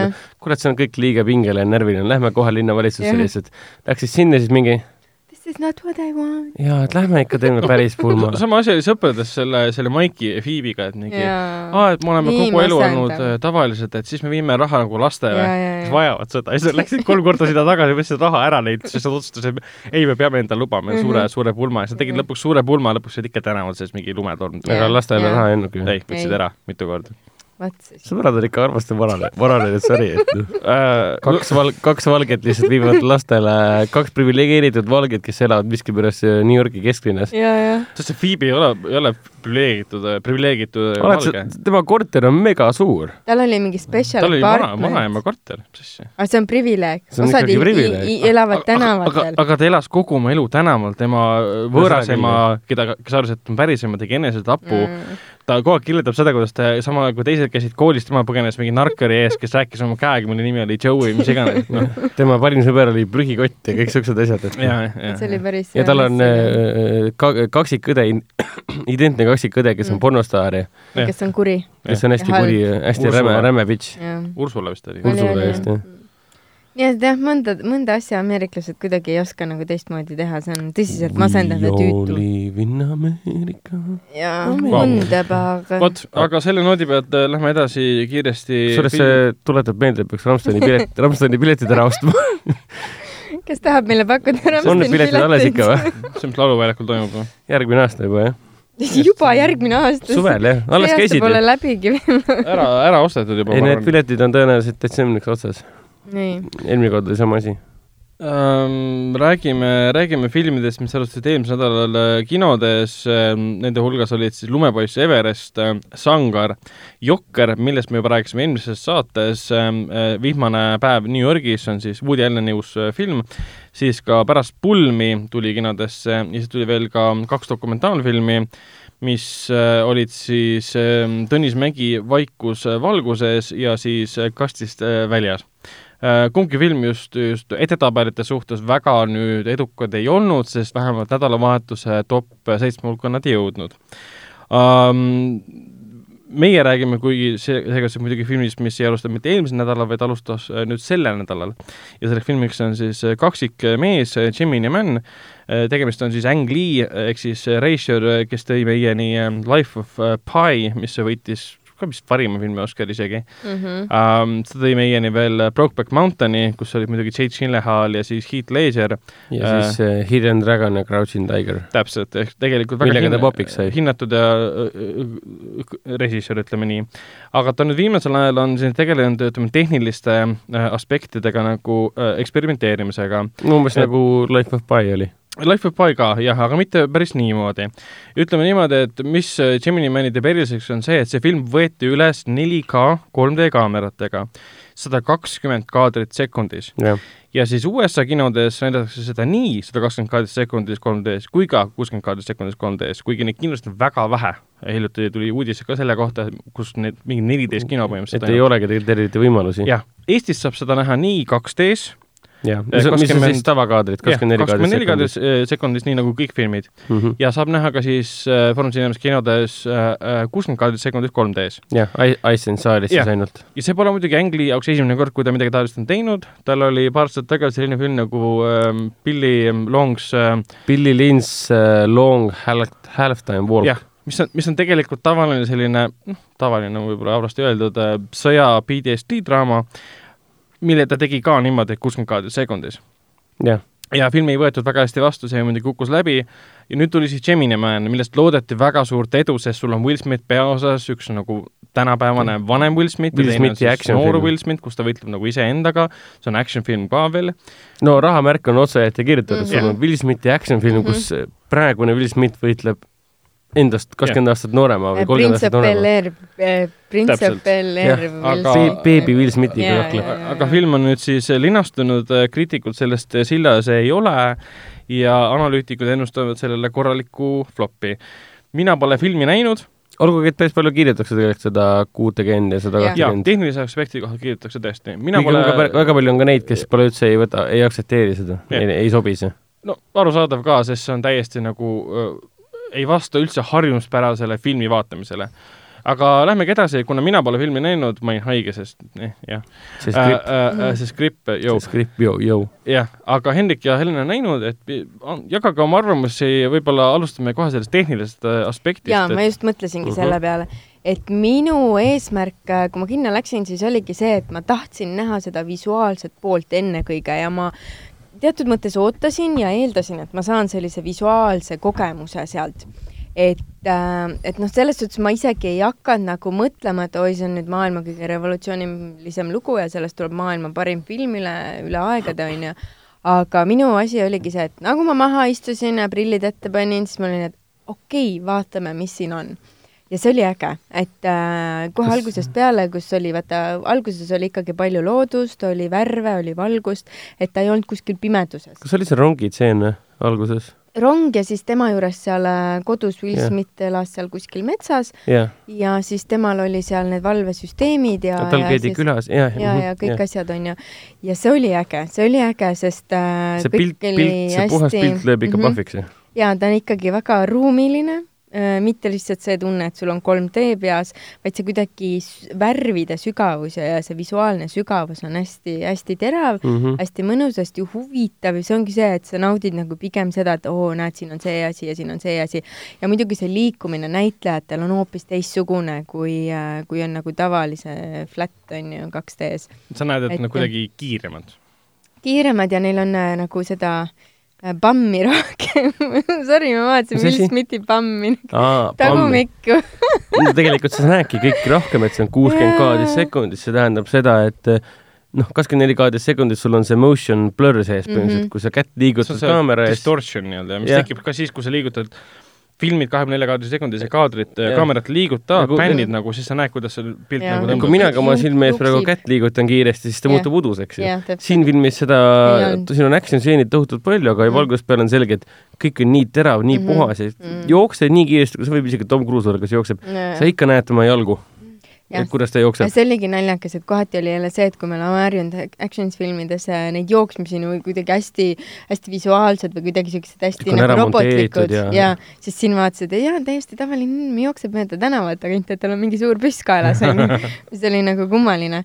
aga ikkagi nagu selline mõnus, et, et ta oli teistsugune ja mulle meeldisidki äh, kaks action stseeni, üks oli see, kui nad olid seal kuskil katakombides, kus oli luud ja asjad ja noh, kuskil Euroopas, Bukarest või midagi äh,. midagi siukest või oli Prantsusmaa, anyways ähm,, siis nad äh, kaklesid seal ja kui me oleme harjunud pigem see, et action stseenid ongi see, et iga paari sekundi tagant on lõige ja sa tegelikult ei näe mitte midagi, siis selles filmis oli ikkagi niimoodi, et sa nägid reaalselt, kuidas kaks meest omavahel nagu kaklevad, annavad rusikatega ja jalgadega, lendavad seal vastu seina, vastu mm. -hmm. põrandat, muudkui käib möll ja tõesti nagu oli näha lööke et see oli esiteks, ta oli vist hästi lavastatud, teiseks ta nagu visuaalselt äge välja ja noh, üldse see oli ka väga pikk, et ei olnud see, et puh-puh-puh onju, aga nad seda reaalselt palju ja see on kaklesid. pime ka tegelikult ju. jaa, et pimedas ruumis kontide keskel Mhm. noor ja vana Will Smith omavahel kaklevad ja, ja, ja see on nii puhas pilt mm. -hmm. isegi pimedas see pilt mõjub eledana põhimõtteliselt mm. -hmm. ja sa elad, nagu öeldakse ka, et see on nagu 3D pluss formaat, ehk siis 3D kuuskümmend kaadrist sekundis, see on 3D pluss nii-öelda uus revolutsiooniline stiil mm. -hmm. 3D pluss. ja kaksikmees ongi siis, Gemini, Gemini Man ongi siis 3D plussi nii-öelda nii-öelda eestvedaja. ja sellel tasandil ma olen Heleniga täiesti nõus, et mul, mul, minu jaoks oli nende action stseeni vaatamine mis tahes, kas päevavalguses või mm. Mm. kuskil pimedas kambris, täielik lust oli vaadata, sest ma nägin kõike jah, ja nad, filmi Ang Lee väga hästi teadis, et te näete kõike ja siis ta Jaa. keskendus sellele, et Jaa. näed, vaadake siis rahulikult, ma ei hakka kohe ära lõikama kõike. no see mootorratastega tagaajamine ka Jaa. seal kuskil linna vahel. Esiteks üks oli kuskil kõrgel mingisuguse, ma ei tea, mingi peal. müüri peal, teine oli all asfalti peal ja siis nad mingi veel üritasid üksteist vist tulistada või mida mm Mhm. -hmm. nad, siis ma olin, et mul oli õudne, ma olin, et ära kuku, ära kuku Mm, mm, ikka jaa. kukkus onju, siis vaatad valus nagu sa näed, kuidas ta kukub reaalselt. seda nagu koduvideoga tunnet ei tekkinud et sa, et sa näed, et ta on nagu täpselt seesama video, nagu sa vaataksid teatrit või keegi ei, filmib seda. see, see on, see on vana ja jama argument juba tegelikult, seda hakati rääkima alates sellest äh, nagu Kääbik tuli Peter Jacksoni nelikümmend kaheksa. kääbikutest, kui nelikümmend kaheksa kaadrist sekundit, kõik hakkasid rääkima, kuule, see on mingi ultra HD draama Mehhiko seebikas. jätke jutud, noh. mm. -hmm. aga rääkige korraks sellest ka, et ütleme, filmi, ütleme, suurem osa filmi eelarvest kulus selle peale, et teha digitaalselt äh, noorendatud Will Smith. mm. -hmm. ehk siis tegelikult kasutati dublanti Mm -hmm. äh,, kellele anti, pandi siis Will Smithi nägu.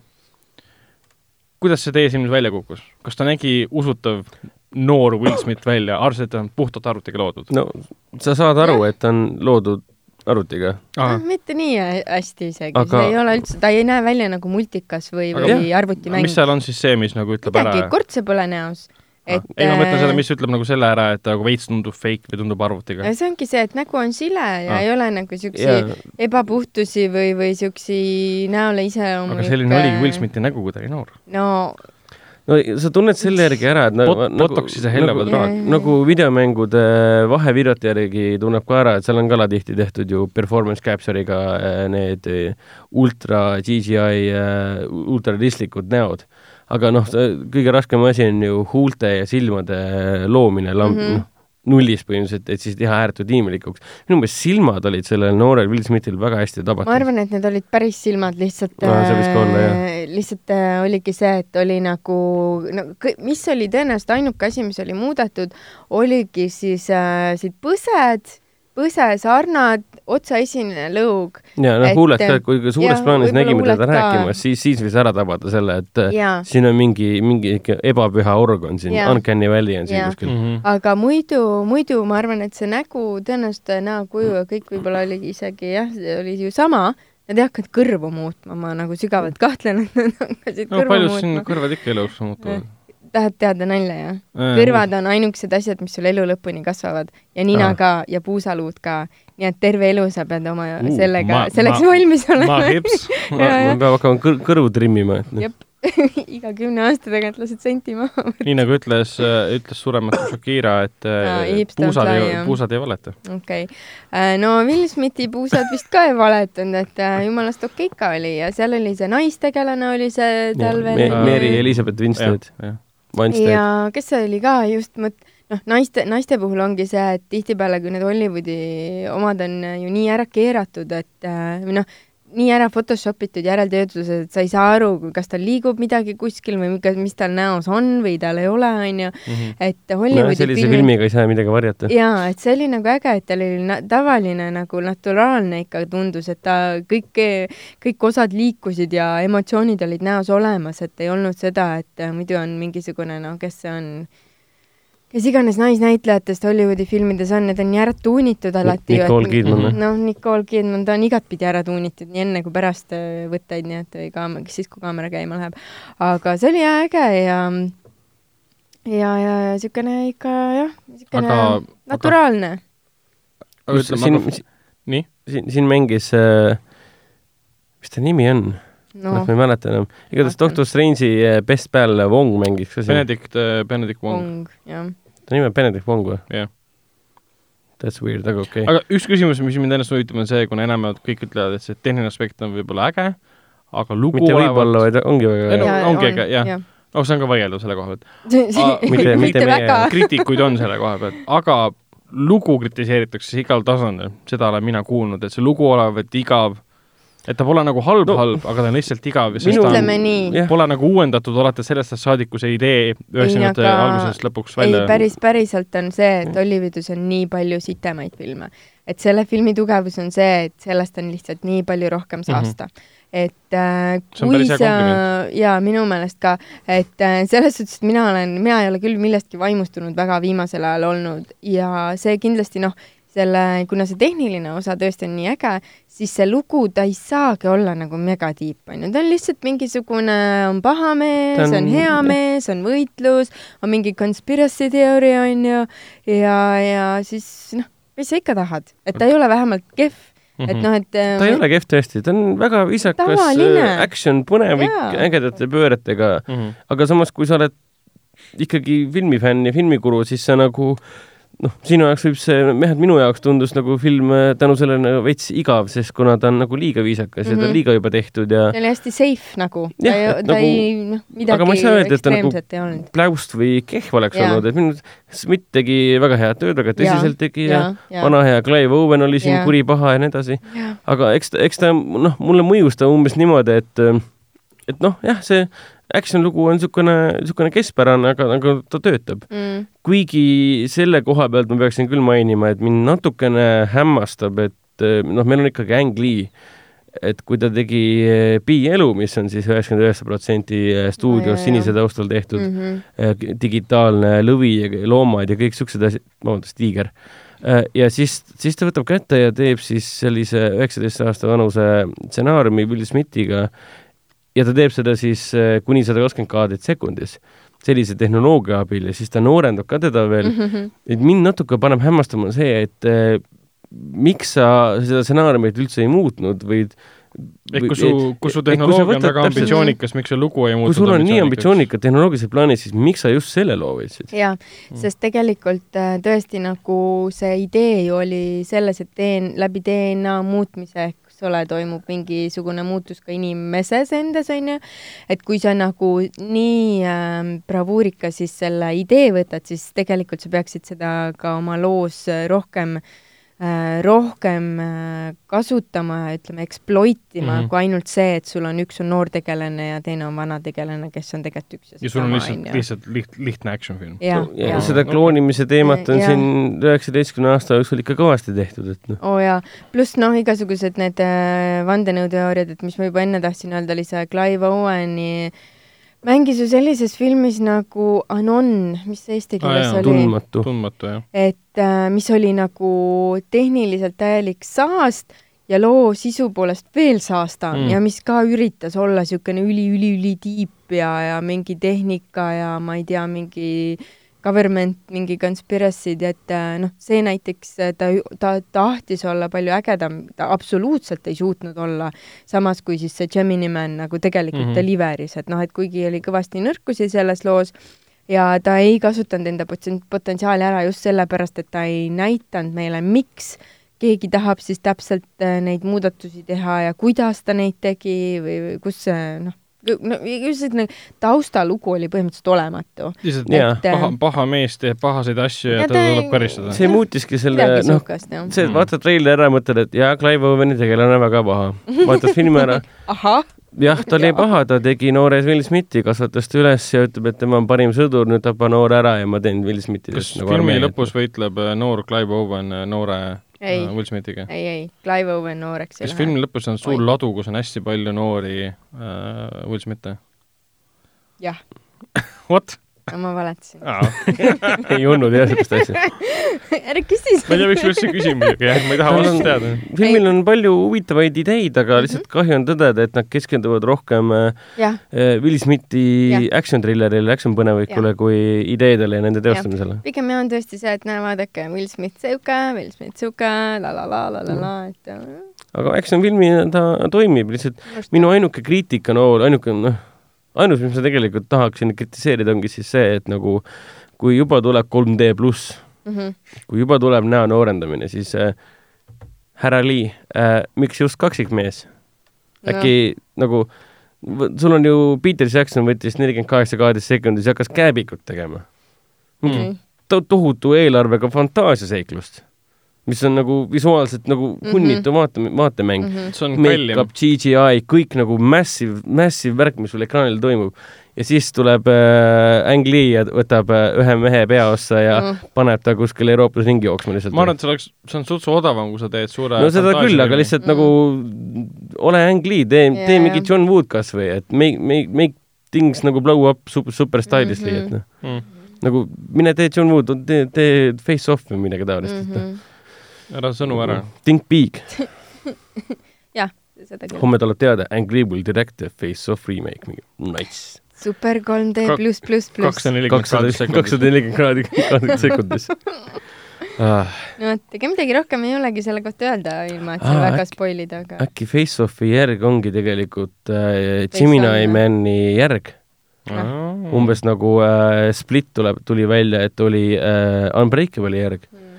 ehk siis äh, vana Will Smith ja noor Will Smith hakkavad koos võitlema äh, vana Clive Owen ja noor Clive Owen'i vastu. või siis äh, vana Travolta ja noore Travolta vastu ja siis tuleb Nicolas Cage ka mängu, et kohutav. kuigi Okei. okay. Cage sai surma seal vist. seda ma küll ei taha vaadata. okei no okay,, selge, aga siis äh, tore kuulda, ma vaatan ka selleks äh, selle filmi siis võib-olla järgmiseks nädalaks ära. ja, ja lähme edasi, lähme edasi filmiuudiste juurde. nii, uudised. võtsime, võtsime kolm olulisemat, vähemalt meie jaoks olulisemat uudist ette. sest meie ja- sõna maksab. täpselt. ja, ja võib-olla kõige huvitavam neist on see, et ähm, selline, sellised äh, teise maailmasõja seriaalid nagu Band of Brothers ja The Pacific oli kunagi Mhm. ja sellele tuleb nüüd siis kolmas seriaal. Äh, konteksti kohta nii palju, et selle seriaal tuleb siis Apple TV plussi vahendusel, mis on siis nende novembris alustav voogedastusteenus, nii nagu Disney pluss põhimõtteliselt Netflixi uued konkurendid. Ja mis asi, see on see Masters of Air on selle nimi, see on siis Teise maailmasõja siis pilootidest, õhu, õhulahingutest põhimõtteliselt. Uh, Band of Brothers oli kahe tuhande esimese aasta kümneosaline miniseriaal, mille siis produtseerisid Tom Hanks ja Steven Spielberg, kes siis- üheksakümne kaheksandal aastal, tegid koos Rams Ryan'i. see oli nende jätkulugu Rams Ryanile see on siis äh, kahe tuhande esimesel aastal tuli HBO-s muidugi see on üks hinnatumaid sõjaseriaale, mis kunagi tehtud on. täitsa nõus. ja see tehti, kui sa seda se- seriaali vaatad, enne kui sa oled näiteks vaadanud ära just äh, Rams Ryan'i, siis sa näed, et nad on väga sarnased visuaalselt. ja see sündiski põhimõtteliselt sellest, et Rams Ryan oli väga populaarne. Ma vaatasin meelega, siis kui see uudis tuli välja, esimesed kaks osa uuesti ära ka, endiselt suurepärane. miks see seriaal on veel lahe, on sellepärast, seal on kohutavalt palju noori näitlejaid, noor Tom Hardy mm., noor Simon Pegg, noor äh, Michael Fassbender, kõik niisugused näod, keda sa praegu näed igal pool põhimõtteliselt ja sellele tuli siis, tuli siis üheksa aastat hiljem tuli nagu nii-öelda järjeseriaal, noh, mitte samad tegelased, aga siis räägiti sellest äh, Vaikse ookeani lahingutest äh, Jaapani saartel, see oli The Pacific äh, Vaiksel ookeanil. see oli ka Tom Hanks ja siis selle tõlge äh, oli Vaiksel ookeanil jah. äh, oli jälle Tom Hanks ja siis produtse- produtseerisid. ja nad tahtsid kaks tuhat kolmteist teha juba tegelikult kahesaja viiekümne miljoniga järgmise seriaali. Aga see kukkus äh, läbi puhtalt sellepärast, et siis oli just see hetk, kui DVD turg kukkus kokku, sellepärast et Blu-ray võttis üle. hakkas üle võtma, tähendab. ja kuna Pacific ja Band of Brothers said oma suure-suure edu suuresti tänu DVD-komplekti, mida osteti, siis see plaan langes kokku, aga nüüd Apple andis teada, et siis täpselt sama meeskond, kes tegi Band of Brothersi, teevad järgmist seriaali, sisu kohta midagi ei tea, väärtult see, et see on siis ühel romaanil, mis on, nimi ongi Masters of Air, räägib siis pilootidest. see on väga lahe, sest Band of Brothers ja paranda mind, kui ma ei eksi, siis Pacific mõlemad tegid seda, et nad panid sinna reaalselt äh, sõjaveteranide äh, kommentaarid sisse. Ma ei tea, kas kas bändi, bändis oli ka niimoodi või? bändis oli, jah, igas, Ja iga episoodi alguses. jah, seal olid need vanad mehed ja rääkisid põhimõtteliselt oma, oma kogemustest ja siis tihtipeale samad äh, sõdurid, keda, keda mängiti seal seriaalis ka. jah, ja Pacificus oli vist samamoodi, et noh, aga, aga Band of Brothers on legendaarne ja mina olen ka seda mitu korda vaadanud ja see on nagu visuaalselt näeb nii metsik välja, kui kui ikka seal läheb äh, lahingutegevuseks, siis see, see, see näeb nii pimestav välja lihtsalt. jah, seal mängib ju David Schwimmer ka esimeses Ah, esimeses osas. ta oli see instruktor seal, seal, kui nad treenisid seal äh, Hästi karm, Inglismaal. ja kohati, kui ta on hästi karm ja karjub kõigi peale, tema karjumine meenutab seda Rossi karjumist. et sa hakkad naerma selle peale, et ah, see on see tuttav karjumine. Ja Band of Brothers oli tõesti, tõesti täiesti vapustavalt lavastatud, vapustavad karakterid äh,, kuidas sõda oli kujutatud, et kui tundus, et nagu ma ei tea, et pärast Raymond Ryan'i päästmist, et issand jumal, keegi ei oska seda enam nii hästi kujutada kui see, see alguse Omaha Beachi rünnak on siiamaani legendaarsemaid, siis see seriaal võimendab ja võimendab, võimendab seda, samuti läbi karakterite, mitte ainult muidugi lahingute. Pacific enam nii meeldiv nagu öelnud, et seda ma olen kõige vähem, isegi pole uuesti vaadanud. Üritasin vahepeal, aga see kuidagi ei tõmba mind niimoodi, nii nagu Band of Brothers tõmbab. mulle on ta tagantjärgi ikka väga meeldima, vabandust, väga meeldima hakanud, seal ju peaosades oli see Rami Malek ju, kes mm. -hmm. oli ju täiesti tundmatu näitleja siis veel jaa, ja kõrvalosas oli see, tähendab, seal oli kolm peategelast, mm. -hmm. kelle läbi siis seda sündmusi kujutati. üks oli see James, Badge äh, Dale. jaa, James Batch ja Dale siis. see kolmas näitleja, kes nüüd hiljuti mängis selle äh, Rami Malekiga siis äh, Põhimani filmis äh, ka koos Queen'i bändiliikmeid. oota, milline neist siis? see punapea. aa, see väike poiss, jaa, jaa, jaa, muidugi, muidugi, jah. ja täpselt. aga minu arust see on väga äge uudis, et see lõpuks ikkagi tuleb, ma lihtsalt loodan, et on täpselt sama kvaliteetne, sama võimas, nagu oli Band of Brothers ja kui Kust- sa pole Band of Brothersit näinud, siis tee endale teine ja vaata see ära kus ma neid kahte esimest seriaali praegu näha saaksin üldse? äh,. osta DVD lihtsalt seda poe, HBO võib-olla, aa, Telia HBO-s on olemas täiesti. mõlemad. Band of Brothers ja siis äh, Pacific on mõlemad olemas, täpselt, jah. Võiks täitsa vaadata, ma mäletan, et äh, nad on ikka puhas eepika. On, isegi on. siis, kui sa vaatasid esimesed kaks äh, Pacificut ära, mõtlesid, et no see ei ole ikka nii hea kui eelmine. ja siis paned kolmanda osa peale ja siis tuleb see eepiline algustiitid, algustiitide, algustiitide muusika, siis mingi Mm. siis sulad täiesti ära mingi, okei okay,, see on eepika, ma pean seda vaatama. hästi võimsalt tehtud, siiamaani üks, üks stseen seal meeles, ma ei mäleta, mis see näitleja nimi oli, kummast siis? see oli Band of Brothersis äh, üks episood oli Bastone'i, ma hääldan väga valesti, metsades, kus nad olid, külmusid põhimõtteliselt seal, ühel hetkel neid rünnati jaa, siis ühes kaevikus oli mitu nagu tuntud äh, karakteri, kes on kõik nagu hooa- osade jooksul olid seal, kõik said surma ja siis üks, üks karm niisugune äh, äh, juht seal äh, näeb seda äh, laiba äh, kuhja ja siis sa näed seda hetke, mil, mil ta murdub ja siis pärast seda saadeti põhimõtteliselt koju ära, sest ta lihtsalt ei suutnud enam. kas see oli see sinisilmne blond mees või? Ma ei mäleta, mis see näitleja nimi täpselt nüüd oli. tal oli kunagi see haiguste ennetamise seriaal oli ka tal. jah, jah, on küll. vot, selline uudis. väga, väga tore uudis minu arvates. jah, on küll. teeb Ähm, südame soojaks. jah, ma ei tea, kas südamesoojaks teeb ka järgmine uudis, nimelt ähm, John Wick ja Oo, John Wick eriti just nüüd kolmandas filmis äh, Parabellum Parabell. oli üks selline see, suurepärane. suurepärane. oli, oli tõesti, parim hobuse action, mis ma kunagi filmides näinud olen. horse action. Horse action. selles kolmandas filmis oli üks stseen ühe baleriiniga, oli kui te mäletate. Üks siis. Baleriinidega. John, baleriinidega John, seal äh, lava peal kuskil või? jah, John läks vaata abi, abi küsima Mhm. ühelt, ühelt äh, Angelica Houstonilt. ta, täpselt daamilt, kellelt äh, ta oli võlgu talle midagi laadset või ei vastupidi, ta tahtis teine. sai temalt teenet. ja seal laval oli üks baleriin, kes siis äh, tantsis seal ja, ja, ja vigastas oma jalga ja pärast me nägime hästi rõvedad, kuidas nad oma seal eemaldasid küüni endale ja umbes Mm. niimoodi, et ja nüüd tulebki välja, et äh, see baleriin, temast tuleb esimene siis John Wicki see filmiseeria kinnitati ära, et just nimelt temast või? mitte konkreetselt temast, aga filmi nimi on Baleriin ja see ongi siis John Wicki uh, spin-off film, mis ilmselt puudutab seda Angelica Houstoni karakteri, seda maffiat, mida nad hoidsid seal ooperi uh,, uh, balleti uh, ooperi siis Mhm. hoones ja kuidagi seostub kõik sellega, selle maailmaga. me saime ju väga palju John Wicki minevikust teada puhtalt selle Angelica Houstoni balletikooli tseeni põhjal jah..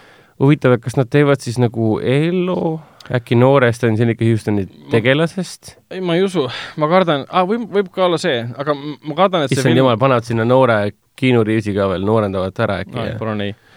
Ma arvan, et see film on umbes nii nagu noh, nagu nad alati on, et sul on äh, neiu saab äh, baleriiniks, aga tuleb välja, et see on variorganisatsioon, et sa pead ka inimesi tapma ja trennivad ta välja tapjaks põhimõtteliselt, aga ta vari, vari, vari siis tööna, siis ta on baleriin ka see samal kõlab nagu Red Sparrow ja Mm. Midagi taolist, ja midagi Atomic taolist. Blonde Blonde. ja, jah jah. sest need, kui ma ei eksi, Angelica Houston mängis ju filmis mingit valgevenelast või midagi laadset. Rääkisid seal väga te- halvasti. Kust- valge venelast kust. see, kust see- ta oli see, kust kohast Vikk päriselt pärit on? jah, täpselt, jah, oligi mingi Tšetšeenia või midagi. päris kenasti seda vene keelt. see oli piinlikkust ei tekitanud isegi minu jaoks korralik korralik purssimine. see on hea märk, et isegi minu kui vene keelt mitteoskavale inimesele ei tekita piinlikkust mm Mhm. -hmm. ameeriklasest näitlejanna vene keele rääkimine. samas ma ei oska praegu öelda seda, et kas Angelica Houstoni eh, nimi on päris ja äkki ta ongi Venemaalt pärit, ma ei tea seda. Kuidas teha kinos äh, äh, olles kindlaks, kas filmis kõlav ameeriklaste vene keel on kohutav või mitte? mina tean väga hästi, kuidas. see on see, kui sa oled äh, osa kinopublikust ja kuuled, et osad naeravad ah,, siis jaa, saad aru, et ahah mm -hmm, that was mm. -hmm. that was crap nagu. ma mäletan, kunagi oli see Xavier Gensi ja Timothy Olifanti ja Olga Kurilenko Hitmani film, Jah, esimene versioon jah., mis üldse Hitmanis videomänguseerias tehti. Ja seal oli ka, et suurem osa tegevustikust oli, kõik tege-, tegevustikust oli ju Venemaal, Moskvas ja siis seal räägiti korralikult vene keelt ja siis ma mäletan, kuidas see osa vene publikust lihtsalt purskas naerda see kogu oli aeg. hüsteeriline naermine. no lõpuks ongi see, et pole raske, nagu vene näitlejaid on palju nagu Stranger Things näitas meile väga hästi, et vene näitlejad on väga head näitlejad. jaa, sellest on, temast sai kohe meem muidugi. jah, vot uh,, meie viimane uudis äh, puudutab äh, Evil Deadi filmiseeriat, mida me ka Mm. mainisime seoses äh, Basket Case'iga nimelt Bruce Campbell, kes mängis selles siis esimeses kolmes Evil Deadi filmis ja Evil Deadiga seriaalis Ash versus Evil Dead mängis Ash Williamsit andis või tähendab, tema ei olnud otseselt teada, vaid Sam Raimi, kes produtseerib uut Vimma filmi siis The Grudge, mis tuleb ka varsti kinodesse, järgmisel aastal. jah, andis siis teada, et Bruce Campbell, kes mängis Ash Williamsit, tema siis ise produtseerib järgmist Evil Deadi filmi. ja Mhm. tõenäoliselt on, kuna ta ise produtseerib, võib-olla ta ise teeb selles ka mingi rolli, siis see on ikkagi siis nagu Army of Darkness ehk siis Evil Dead kolme järg ja mitte siis äh, Fede Alvarase siis äh, u- Evil Dead äh, nägemuse uue nägemuse järgi, ilmselt mitte see, et see kuigi see nagu vahepealseks, kuigi osaks. see esimese osa uus äh, versioon oli tegelikult mõeldud nagu äh, kaasaegse ähm, järjeloona justkui. no, et nad teevad uue versiooni, aga samas on ta ka jah. osa sellest narratiivist. see oli hea film tegelikult, ta oli lihtsalt kaasaegne, eriti tõsine, moodne nägemus sellest, milline võiks olla esimese osa, esimene osa tänapäeval. ja, ja Reimi on sellest palju rääkinud, et Jaa. ta tahab Arnold Starknessiliga järje teha. et noh, lihtsalt selle uue Evil Deadi ainuke probleem oli selle, selles nagu seisneski, et seda oleks pidanud tegema nii, nagu esimene osa tehti.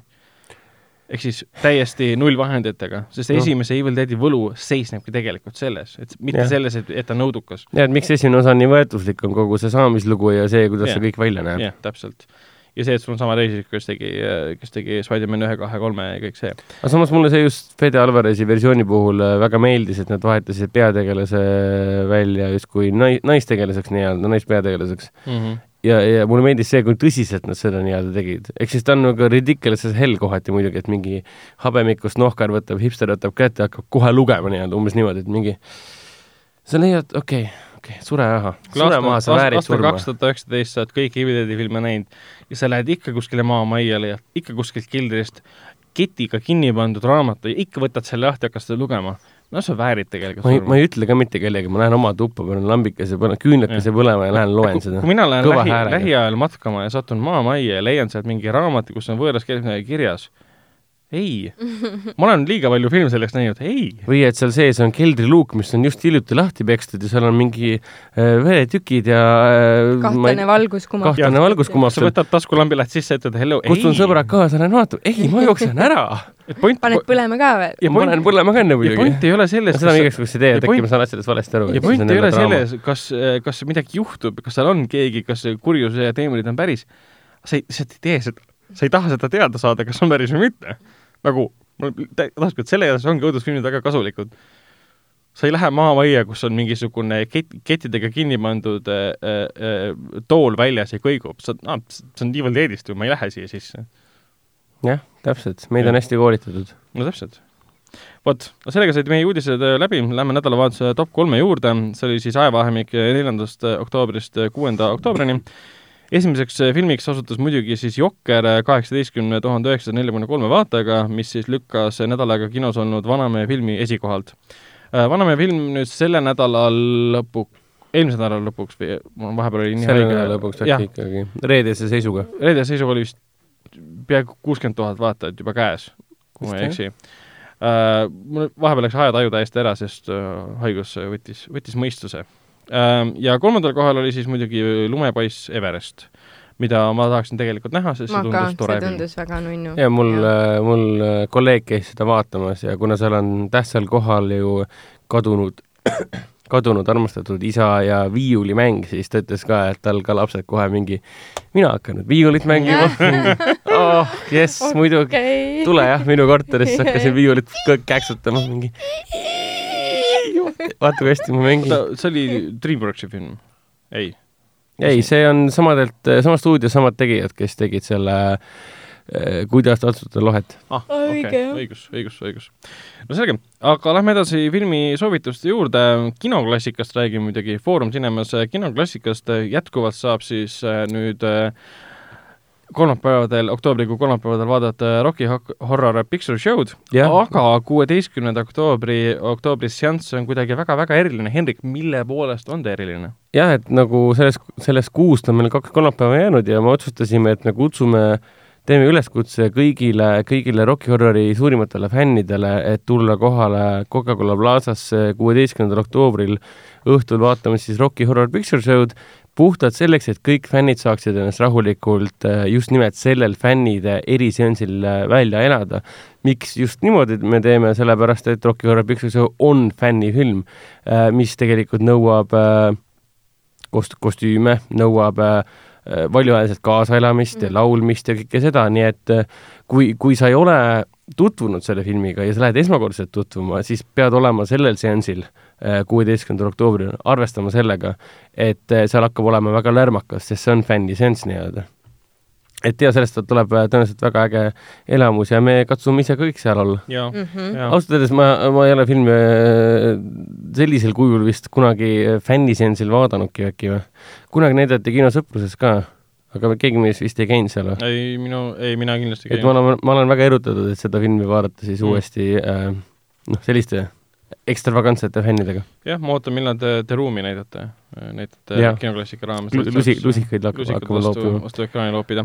aga, aga kinoklassikast rääkides tuleb meil ka ju äh, novembri kinoklassika esilinastus on juba müügis, äh, see on siis kuuendal novembril ja filmiks on loomulikult äh, James Cameroni legendaarse ulmesaaga term-, esimene osa, Terminaator, ehk siis tuhande üheksasaja kaheksakümne neljanda, jah, kaheksakümne neljanda aasta, oli kas kaheksakümmend neli ju, Terminaator.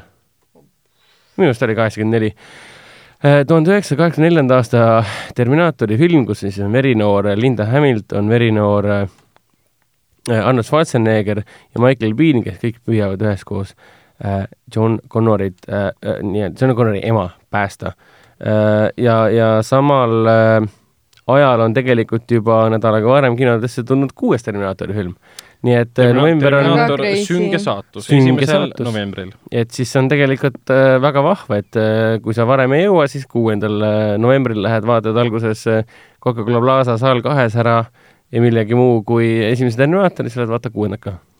jah. no teist mäletavad niikuinii kõik, nii et teist ma olen isegi Plaza's näinud. eelmisel aastal ju oli kui ma ei täpselt. eksi. aa, see oli see uuendatud 3D variant, eks? jah, jah. esimest osa me ei ole vist kunagi kinos näinud. Ei, mina ka mitte. ma väga tahan näha. et ma vaatasin klippe sellest hiljuti, juurde kustutasin peale, ma ei, ma ei mäletanud, et see film niimoodi välja nägi, ausalt öeldes. ma küll mäletan. et seal mõned, mõned kaadrid, et sa vaatad, issand, Schwarzenegger näeb suurepärane välja, siis on tehtud mõned nagu siuksed mm, suured plaanid nä-, näost, et kui on vaja, vaja näidata robotit, sa vaatad, aa kui fake nahk, mm, aa kui fake, midagi aa see on kõik nii fake. aasta oli kaheksakümmend siis tuleb neli. teine kaader, mis näitab puhast nagu Mhm. Schwarzeneggeri nägu ja siis tuleb uuesti uus suur plaan, mis näitab, issand, siuke fake. aga ei, ma saan aru, miks see kõik nii on, see on su- suurepärane. legendaarne, on legendaarne. vot, aga kinodes alustavad siis, alustasid tegelikult juba sellel nädalal, mil meil podcast ilmub, tundekeeled, vabatants, tundekeeled, vabatants. tähendab, üks film on tundekeeled. ei, see on üks film. on jaa, ei, mul on kirjas lihtsalt punkt eh,, komadega kõik see vahele on romantiline, muusikaline, tantsuline noortefilm, mille nimi on High Strung Free Dance ehk siis äh, tundekeeled punkt vabatants. väga halb tõlge põhimõtteliselt. see on järjelugu esimesele filmile, nimi oli High, high Strung, okei jah. See oli naljakas jah. nii, mis veel tuleb kinno? okay.. Pääsuke Manu, pääsuke Manu ja mis tundub okei okay.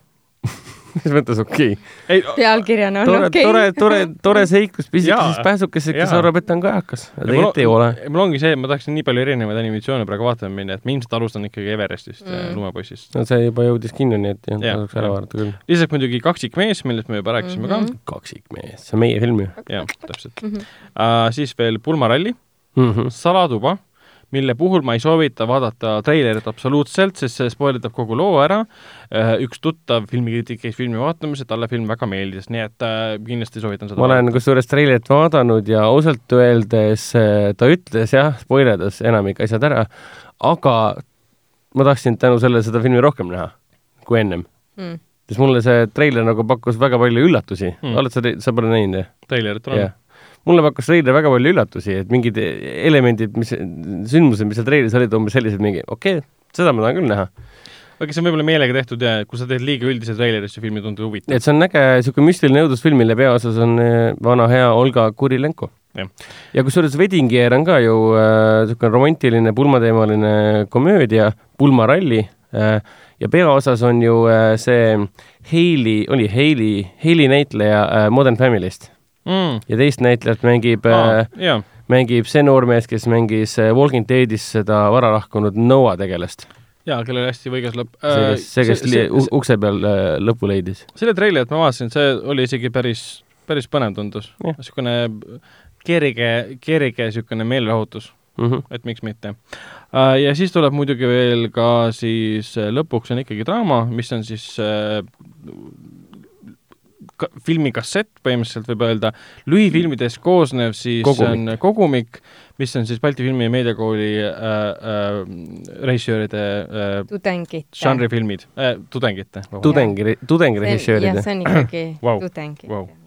Tabasin Hella kohta. ja see on see, et see on lõpuks on ikkagi draama, see on äh, lühifilmide komplekt, kogumik, et kui tahate teada, mille, milline hakkab välja nägema tulevane Eesti äh, noorte filmikunst, siis on väga hea võimalus mm. pilk peale heita. absoluutselt um,. Netflixis soovitan vaadata juba mainitud Fractured uh,, lisaks alustas Netflixis ka Breaking Badi film El Camino a Breaking Bad Movie, mida mina pole kunagi Breaking Badi vaadanud, aga ma ka kavatsen selle filmi ära sa oled vaadata. pilooti näinud, väga hea oli. aga ma kavatsen selle filmi ära vaadata puhtalt sellepärast, et Näh. see nägi treileri põhjal väga äge välja uh,. siis soovitan vaadata Kingston Family't uh,, Contagioni, Secret Window ja muidugi Quiet Place'i. Telia HBO-s endiselt soovitan vaadata Tšernobõlit, Euphoriat ja Before Rainersit uh,. Amazonis näiteks soovitaks vaadata Taxi Driverit ja The King of Comedy't puhtalt sellepärast, et need filmid on mõjutanud väga palju eriti populaarset filmi Jokker ja kui tahate näha, kust on Jokker oma, või kust on rei-, Jokkeri reisijal oma äh, mõjutused saanud, siis äh, Martin Scorsese filmid äh, Taxi Driver ja King of Comedy, kus mõlemas on peaosas,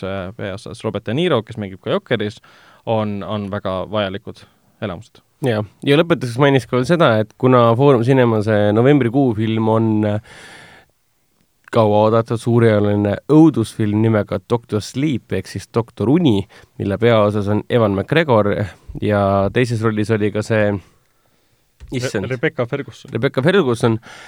tegemist on siis äh, Stephen Kingi slaš äh, Stanley Kubricku hiilguse järjelooga. jah, Stephen King ise kirjutas siis äh, järjeloo ja nüüd äh, tehti selle põhjal ka film.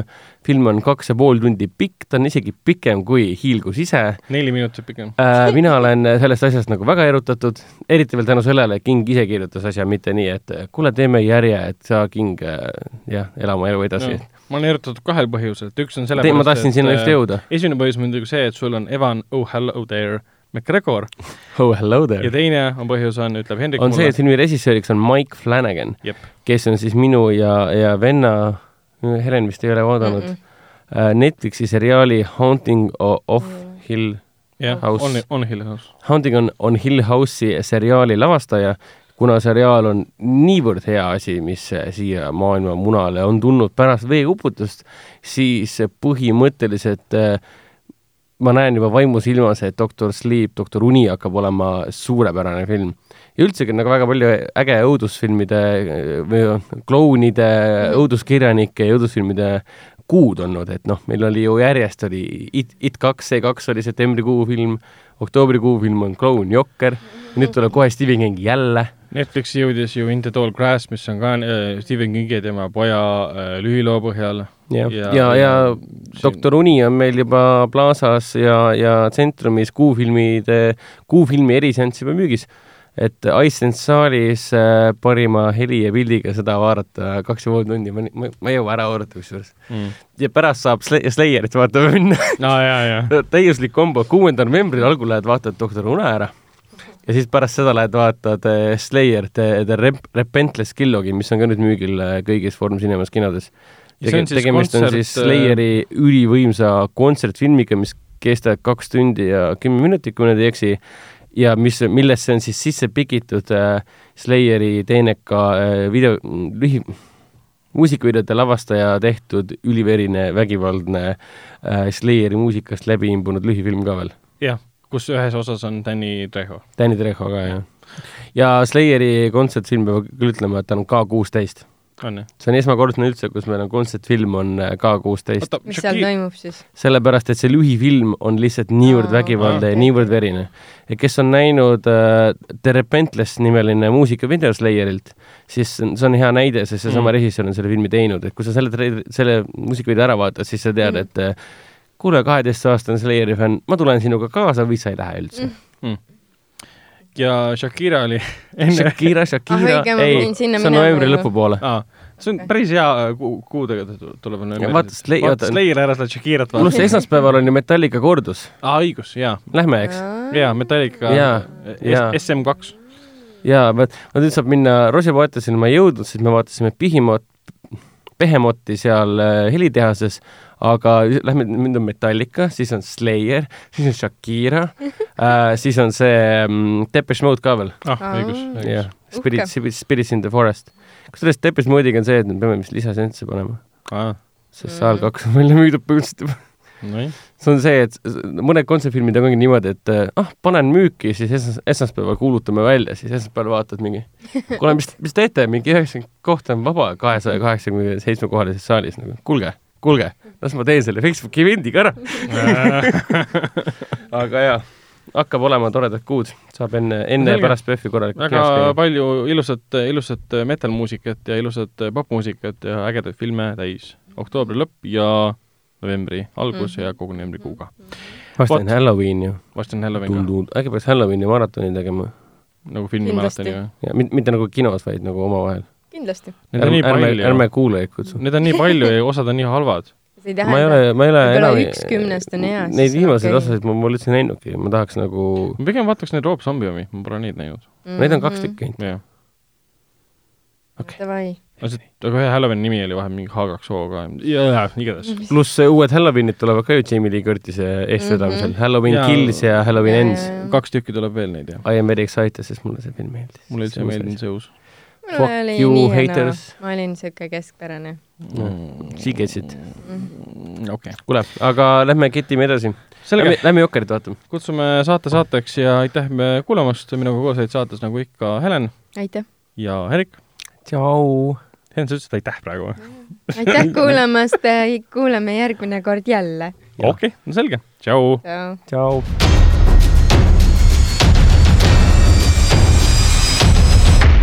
kinoveebi Jututuba podcasti toob teieni Foorum Cinemas.